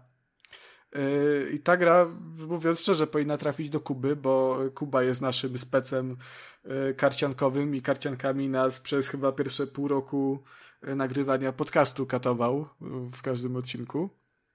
Yy, Ja tam w karcianki od czasu czas- do czasu gram, natomiast jestem bardzo casualowym karciarzem. No ale przecież w E- Gwinta grałeś ostatnio. No tak, ale to grałem właściwie w ten casualowy sposób, że chuj tam, talia startowa i jedziemy, nie? No, Ale to zawsze Jakieś grasz tam- w casualowy sposób, dopóki nie, mm, nie chcesz wydawać kasy. Jeżeli mówimy o Gwincie, czy tam... E, No tak, ale ja, się tak. nawet, ale ja się nawet nie bawiłem w budowanie swojej własnej talii, tylko tak sobie pykałem, nie? Yy, no natomiast, żeby nie było, tutaj przy Magic Nations podszedłem do tego Czekaj, zdecydowanie czekaj, bardziej nie, bo teraz, teraz mi rozwaliłeś mózg. Co? Przy karciance, przy Gwincie nie bawiłeś się w budowanie talii? No nie chciałem mi się, nie lubię tego. To no. co ty tam klikałeś? New game, continue, settings. Tak. Nilfgaard, starter, yy, deck, Ojej, okej. Bach. No dobra. No. Yy... I ten. Ale teraz podszedłem do y, Magic Nations jak najbardziej poważnie i w, na budowaniu talii i jakiś tam taktyk y, spędziłem trochę, trochę czasu. E, także to nie jest tak, że sobie wszedłem, tylko poklikałem. Na, nie, nie umiem, chujowe. E, tylko się w to gryzłem. No i też ta gra nie jest chujowa, chociaż na początku miałem niezłego zonka, ponieważ stwierdziłem, że nie będę rozgrywał tutorialu, no bo przecież grałem w karcianki, także y, ja wiem, jak się, jak się w karty gra, zawsze jest tak samo. Y, No i potem rozpocząłem grę i tak patrzę na to, co się dzieje i w sumie nie wiedziałem y, o Kurwa, gdzie jest walet? Yy, jest walet i walet i wszystko. No ale, ale, tak było, bo tak patrzyłem, Jezus, dobra, gdzie, gdzie są te jakieś moje, moja mana, czy ta waluta, za którą karty wystawiam i o co to chodzi. Yy, okazało się, że czegoś takiego nie ma, nie ma, bo jednak cofnąłem się do tutoriala i to jest bardzo dziwna karcianka i ona jest zdecydowanie inna niż Gwinty, Hearthstone'y, co tam jest jeszcze jest takiego karciankowego? Te Magic i The Gatheringi, e, ponieważ e, w nią się trochę gra bardziej jak e, w strategię turową niż w karciankę. E, jasne, budujesz swojego deka, e, kupujesz karty za walutę, e, dobierasz sobie ileś tam kart na tyle, na ile pozwala ci obecny poziom, bo co wyższy poziom, to więcej, coraz mocniejsze karty można tam wrzucać do swojego deka. E, natomiast sama rozgrywka e, rozpoczyna się e, tak, że musimy wystawić wszystkie możliwe karty, które możemy. I mamy planszę podzieloną na pięć pól kart takiego ataku bezpośredniego i pięć kart dystansowych. I w zależności od tego, co nam się wystosuje, no to sobie ustawiamy to, to, co możemy, żeby nam się tam zmieściło. A potem a potem po prostu karta, która ma najwyższy numerek zaczyna i tak sobie powoli schodzi do tych najniższych numerków i my sobie tymi kartami atakujemy kolejne. Naszym celem jest nie zbicie y, liczby życia przeciwnika do zera, tylko y, wybicie wszystkich kart na połowie planszy przeciwnika. Nawet jeżeli wtedy, jeżeli przeciwnik E, ma jakieś jeszcze karty w swojej ręce, no to już automatycznie przegrywa, bo te karty może przyłać tylko wtedy, kiedy jest jego kolej. W to się gra zaskakująco fajnie, może to bardzo chaotycznie opisałem, natomiast no jest to na tyle, na tyle dziwna karcianka, że trudno mi jest to jakoś, jakoś sensowniej opisać. No, ona przypomina Gwinta trochę właśnie pod tym względem, że są dwa Mm, dwa rzędy y, na naszym polu, natomiast Gwintem w ogóle nie jest. E, no ale bawię się całkiem nieźle. E, tam jest kampania, która jest dosyć taka prościutka i raczej ta fabułka jest, jest głupawa, bo e, gdzieś tam mm, ludzie ich czarodzieje doprowadzi do jakiejś katastrofy i z różnych, z różnych innych wymiarów przychodziły orki, jakieś inne dziwne ludziki, teraz trwa wielka wojna i to jest w zasadzie to, ale no sama gra jest, jest całkiem ok, ona nie ma może jakiejś najładniejszej kreski, interfejs mógłby być zdecydowanie bardziej czytelny, ale no jest to, jest to dość, dość ciekawa pozycja yy, i w sumie całkiem przyjemna. Ja mam teraz odnoszę takie wrażenie, że tych karcianek bardzo dużo pojawia się w ostatnim czasie i one wszystkie są spoko, tylko tego jest za dużo i jakoś no nie da się we wszystko zagrać i też jakby gracze potencjalni danego tytułu rozbijają się na pomniejsze tytuły, co nie zawsze robi im na, na dobrze. Także no nie wiem. No, dużo dużo ja... indyków teraz gdzieś tam w tagach ma karcianka, tak, że tam mhm. elementy karcianki i tak dalej, i tak dalej. No ja Magic Nations nie, nie wróżę zbyt wielkiego sukcesu. Y, mam nadzieję, że się pomylę, natomiast ona już jest od jakiegoś czasu dostępna na PC. E, I dzisiaj to jest 5 listopada.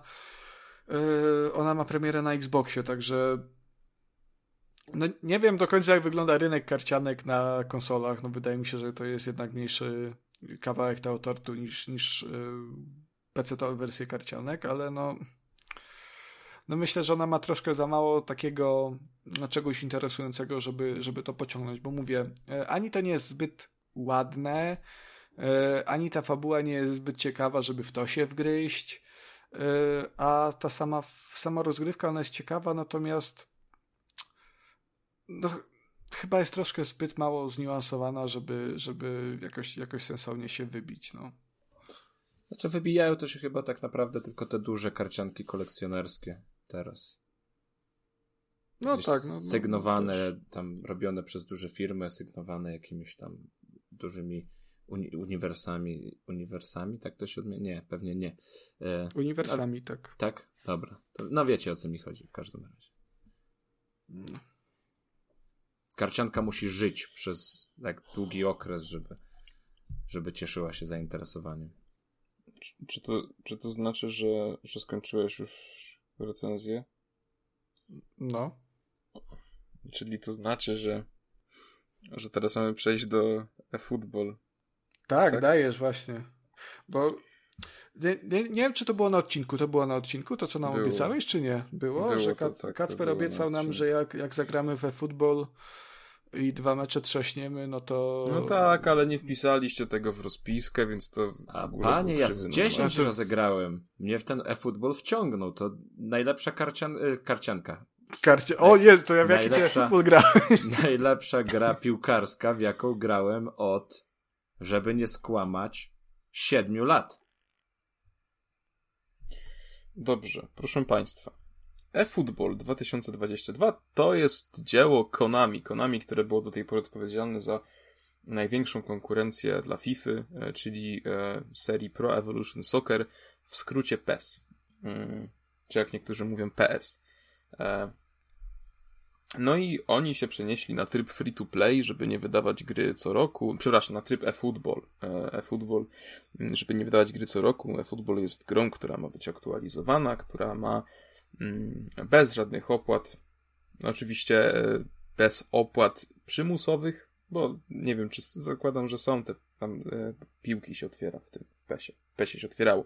Zakładam, że tu też jest taki system. Nie wiem, tak daleko w tym e-futbolu nie zaszedłem, bo po prostu kurwa nie dałem rady. E, Jest to e, gra, która zebrała tragiczne recenzje. E, Wygląda po prostu obrzydliwie. To za sprawą tego, że ten sam futbol jest dostępny i na konsolach nowej generacji, i na starej generacji, i na PC-tach, i na smartfonach. A nie ma jej chociażby na Switchu, co jest akurat dla mnie już troszeczkę bzdurne. E, w- Lewandowski jak żywy. pod, pod, po- e, biorąc pod uwagę to, że jest na, na, na tych, na PC-tach. eFootball zawiera naprawdę ogromną bazę zespołów, którymi możemy zagrać. Tych zespołów jest naprawdę aż, poczekajcie, muszę policzyć, 8 albo 10. 9. 9. Jest to Manchester United i Arsenal i to jest koniec ligi e, angielskiej. Z ligi niemieckiej dostajemy Bayern Monachium. I to wszystko. Z ligi włoskiej Juventus. Koniec. Z ligi hiszpańskiej FC Barcelona. Koniec. E, Z ligi brazylijskiej dostajemy najwięcej zespołów, bo aż trzy. Dostajemy Flamengo, Sao Paulo i Corinthians. No i z ligi argentyńskiej dostajemy River, River Plate, tudzież River Plate, nie wiem jak to się powinno czytać. E, więc super, naprawdę A Stali. Rzeszów nie ma? E, pięć drużyn z Europy. No i, I super jest. Nie, nie musisz i się zastanawiać, czasu tracić na wybór drużyny. Wchodzisz, kilka jest, bach, wybierasz, grasz. E, tak, no gra się w to. Zawsze, zawsze się mówiło, to jest bardzo ciekawe, e, zawsze lubiłem to, jak, jak wszyscy mówili, że FIFA to jest arcade'ówka, e, kiedy e, PES to jest symulator. Ja miałem wrażenie Mm. odwrotnie właśnie zawsze. E, znaczy nie, no faktycznie FIFA jeszcze tak w, odsłonie powiedzmy 13, 14 była arcade'ówką. Teraz oni coraz bardziej idą w stronę symulatora, to już jest coraz bardziej zaawansowane i takie rzeczywiste, e, ale kurwa, taki krok w tył, jak zrobiło Konami przy tym e-futbolu, to nie zrobił nikt chyba nigdy. Naprawdę, po prostu e, jeśli e-futbol jest y, symulatorem, a FIFA, znaczy jeśli eFootball 22 jest symulatorem, a FIFA 22 jest arcade'ówką, jeśli ktoś dalej żyje w takim przeświadczeniu, to wow. No bo, ale to To wynika chyba, z tego, że, chy, chyba, że wcho- chyba chodzi jednocześnie też w czepku z folii metalowej. no to, to wynika z tego, że e-gówno, przepraszam, przejęzyczyłem się, e-futbol yy, był tworzony jednocześnie Wow. yy, przede wszystkim, przepraszam, z myślą o y, platformach mobilnych. Na Bo- początku bo, tak. Bo Konami, Chuj, robimy wszystko, na wszystko. Czemu nie? To jest świetny Smo- Smolak pomysł przecież. zagra. Robimy na zapisz, zapisz jako Xbox. Tak? Także po prostu, no, wow. Mi się Jeśli- podoba. Wiecie, co jest najgorsze w tym wszystkim? Bo ja niestety siedzę w tym, e, w tej całej takiej społeczności e, gier piłkarskich, głównie FIFA, no nie będę ukrywał. Ale najgorsze jest to, że naprawdę e, fanów FIFA jest mnóstwo i oni tam właściwie narzekają tylko na swoją grę, właściwie na PES nawet nie patrzą, ale fani PESA, oni są tak odda... oni byli tak zawsze oddani tej produkcji, oni zawsze ją bronili po prostu jak lwy. Jak ktoś był fanem PESA, to on po prostu naprawdę potrafił ci napisać ci po prostu referat, dlaczego PES jest lepszy od FIFA i dlaczego Konami powinien być e, liderem na rynku, powinno być liderem na tym rynku gier sportowych, jeśli chodzi o piłkę nożną.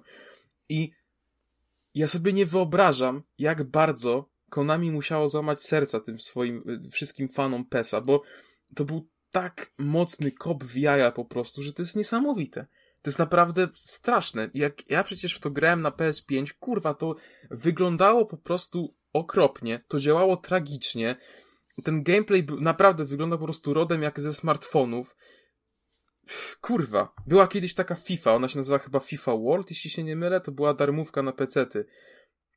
Gdzieś to było w okolicach chyba FIFA 14. Nie, nie jestem pewny tego podtytułu, ale było coś takiego. Oni potem zamknęli serwery e, i to sprawiło przykrość wielu osobom. I to była FIFA biedna, bo to była FIFA darmowa. To był właściwie taki dziwny produkt, który miał tylko e, tryb online, ale ludzie to lubili. I to, kurwa, ileś tam lat temu, nie wiem, 8, nie pamiętam, powiedzmy 8, było dużo lepszą rzeczą niż to, co dostaliśmy w tej chwili od Konami, gdzie to przecież oni jakby całkowicie wszystko na tym oparli. Przecież oni porzucili PESA na rzecz e-futbolu. Ale y, czy ten e-futbol czasami nie jest teraz we wczesnym dostępie, czy w czymś podobnym? On chyba nie miał jeszcze nie, takiej on, pełnej premiery. Nie, on miał pełną premierę, Już po prostu ma być aktualizowany. On po prostu, wiesz, to ma być gra aktualizowana, bo oni tam mają wszystko aktualizować. E, ale po prostu oni się nie spodziewali, żeby to musieli, kurwa, aktualizować wszystko, bo tam nie działa po prostu nic. Ani grafika, Jak ani ja strzeliłem gola. To Z2. A nawet raz wygrałem.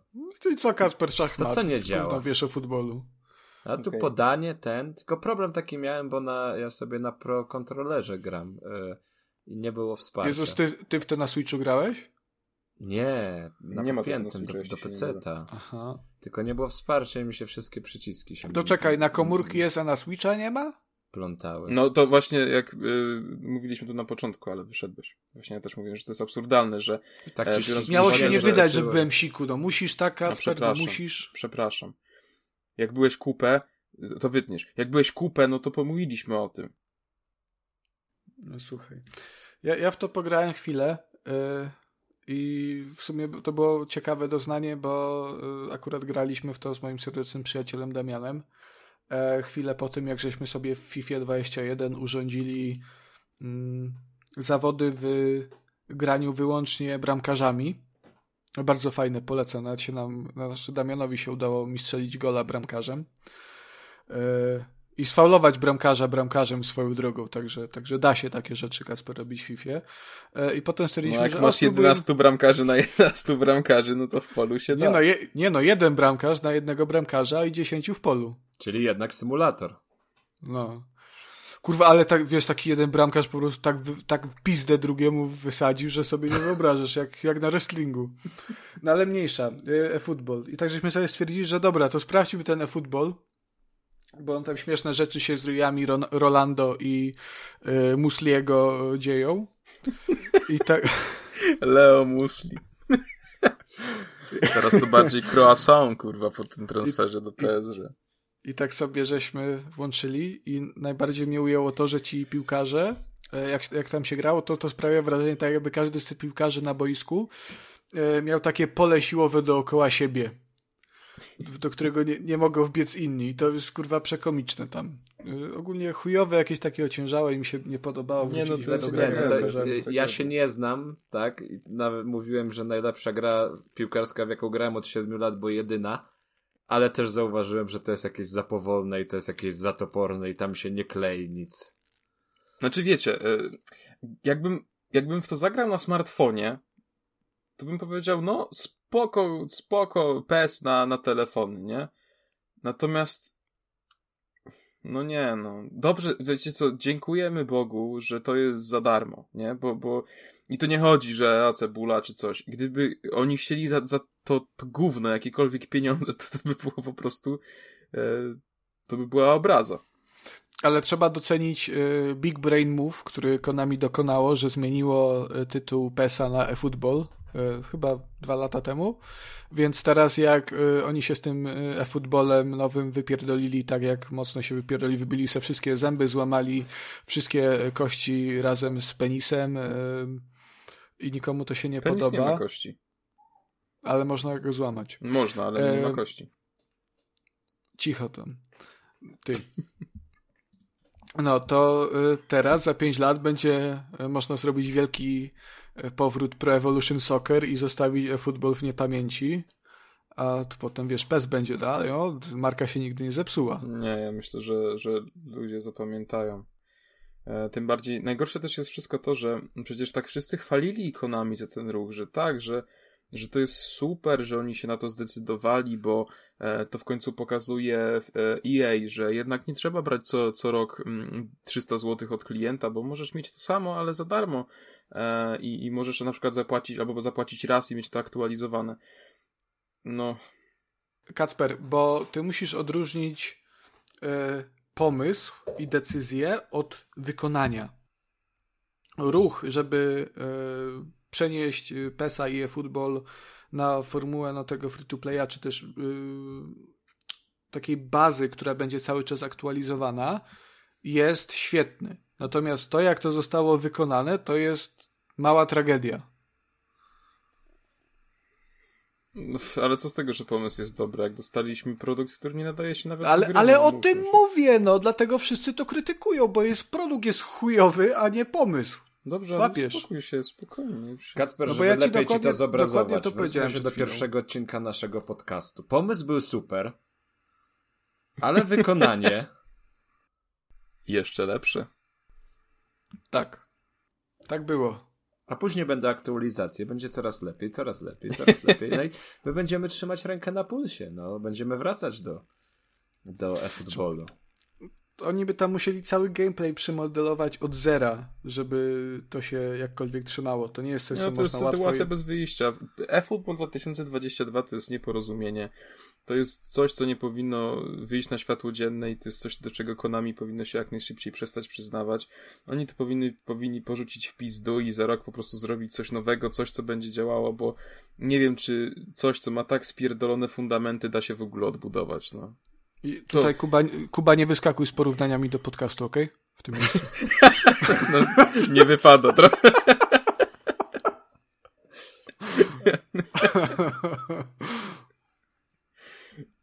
Dobra, no to to była ostatnia recenzja w tym odcinku Trójkastu, jeśli chodzi o gry.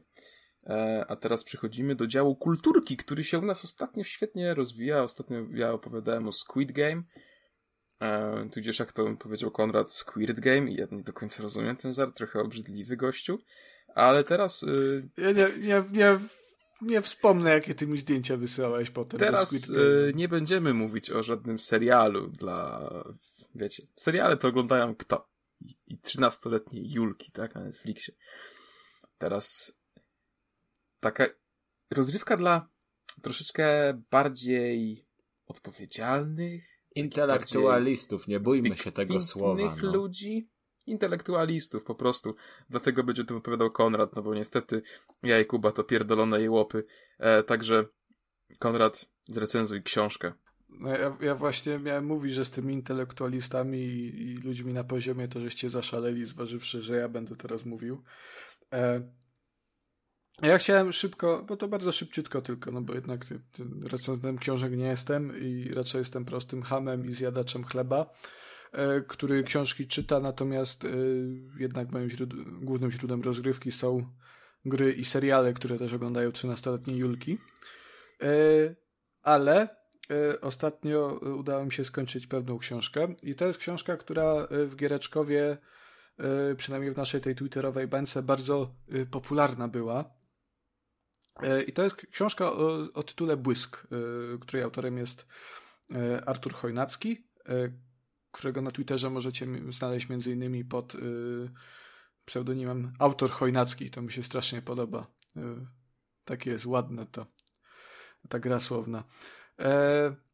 I to jest książka, która opowiada o losach polskiego detektywa. Przepraszam tylko, że ci się wetnę. Ja w tym miejscu też bym chciał pozdrowić Artura, bo był na tyle przemiły, że wysłał i mi i Konradowi książkę z dedykacją. Także bardzo tak. dziękujemy też za to. To jest bardzo miłe i cieszę się, bo jednak fajnie jest mieć coś takiego na półce. Teraz też przyznałem się, że też mam tę książkę, ja niestety jeszcze nie skończyłem. E, natomiast dla tych, co zostali do końca, mogę powiedzieć, że możliwe, że kiedyś i będziemy mieli możliwość porozmawiać z samym jej autorem. Także stay tuned.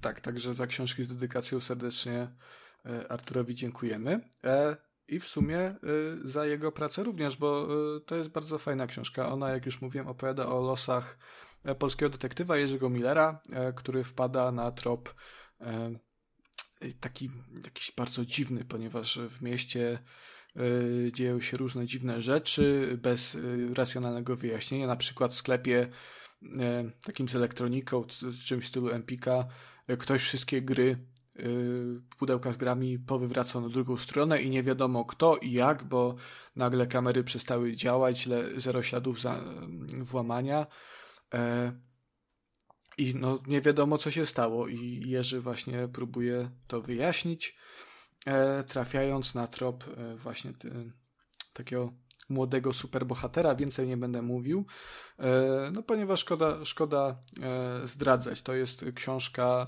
właśnie superbohaterska mm, i czuć, bardzo to czuć w tej książce, że jej autor jest, jest no jest geekiem i to takim bardzo mocno, zresztą nawet w książce jego zdjęcie, które tam jest na, z tyłu okładki, na, na tym załamaniu, E, on właśnie pozuje z, z hełmem Ironmana, którego wydaje mi się, z to co pamiętam, cosplayował. Tak, tak, tak, tak. E, tak, więc, więc to, że on uwielbia komiksy, uwielbia superbohaterów, e, jest podkreślane, no widać to na, na, na każdej kartce tej książki, no, no jest, jest, jest tego fanem, zwłaszcza Marvela chyba, bo tam jest duże odniesienie do Spidermana właśnie, między innymi, Mm, także to jest super, a i sama książka y, jest, jest bardzo fajna. Czyta, czyta się ją lekko.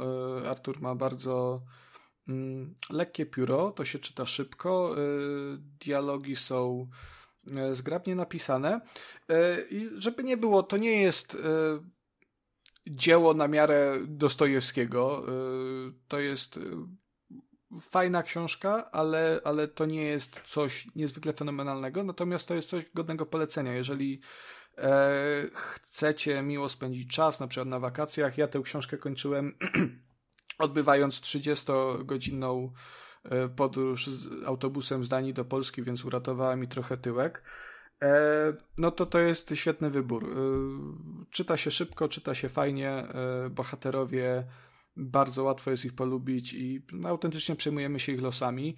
Mm, szkoda tylko, że zakończenie jest takie dosyć, powiedziałbym, otwarte, żeby zbytnio nie spoilerować i bez takiego definitywnego końca, a z tego, co widzę na Twitterze, to autor na razie nie ma w planach kontynuacji, rozważa, ludzie się domagają, natomiast E, no może ta kontynuacja szybko nie powstać, a szkoda, bo e, no, ta historia jest troszkę e, bez końca. No ale tak czy tak, czy tak, jeżeli to wam nie przeszkadza, to jak najbardziej sięgnijcie po tę książkę, bo jest naprawdę fajnym, fajną książką do przeczytania.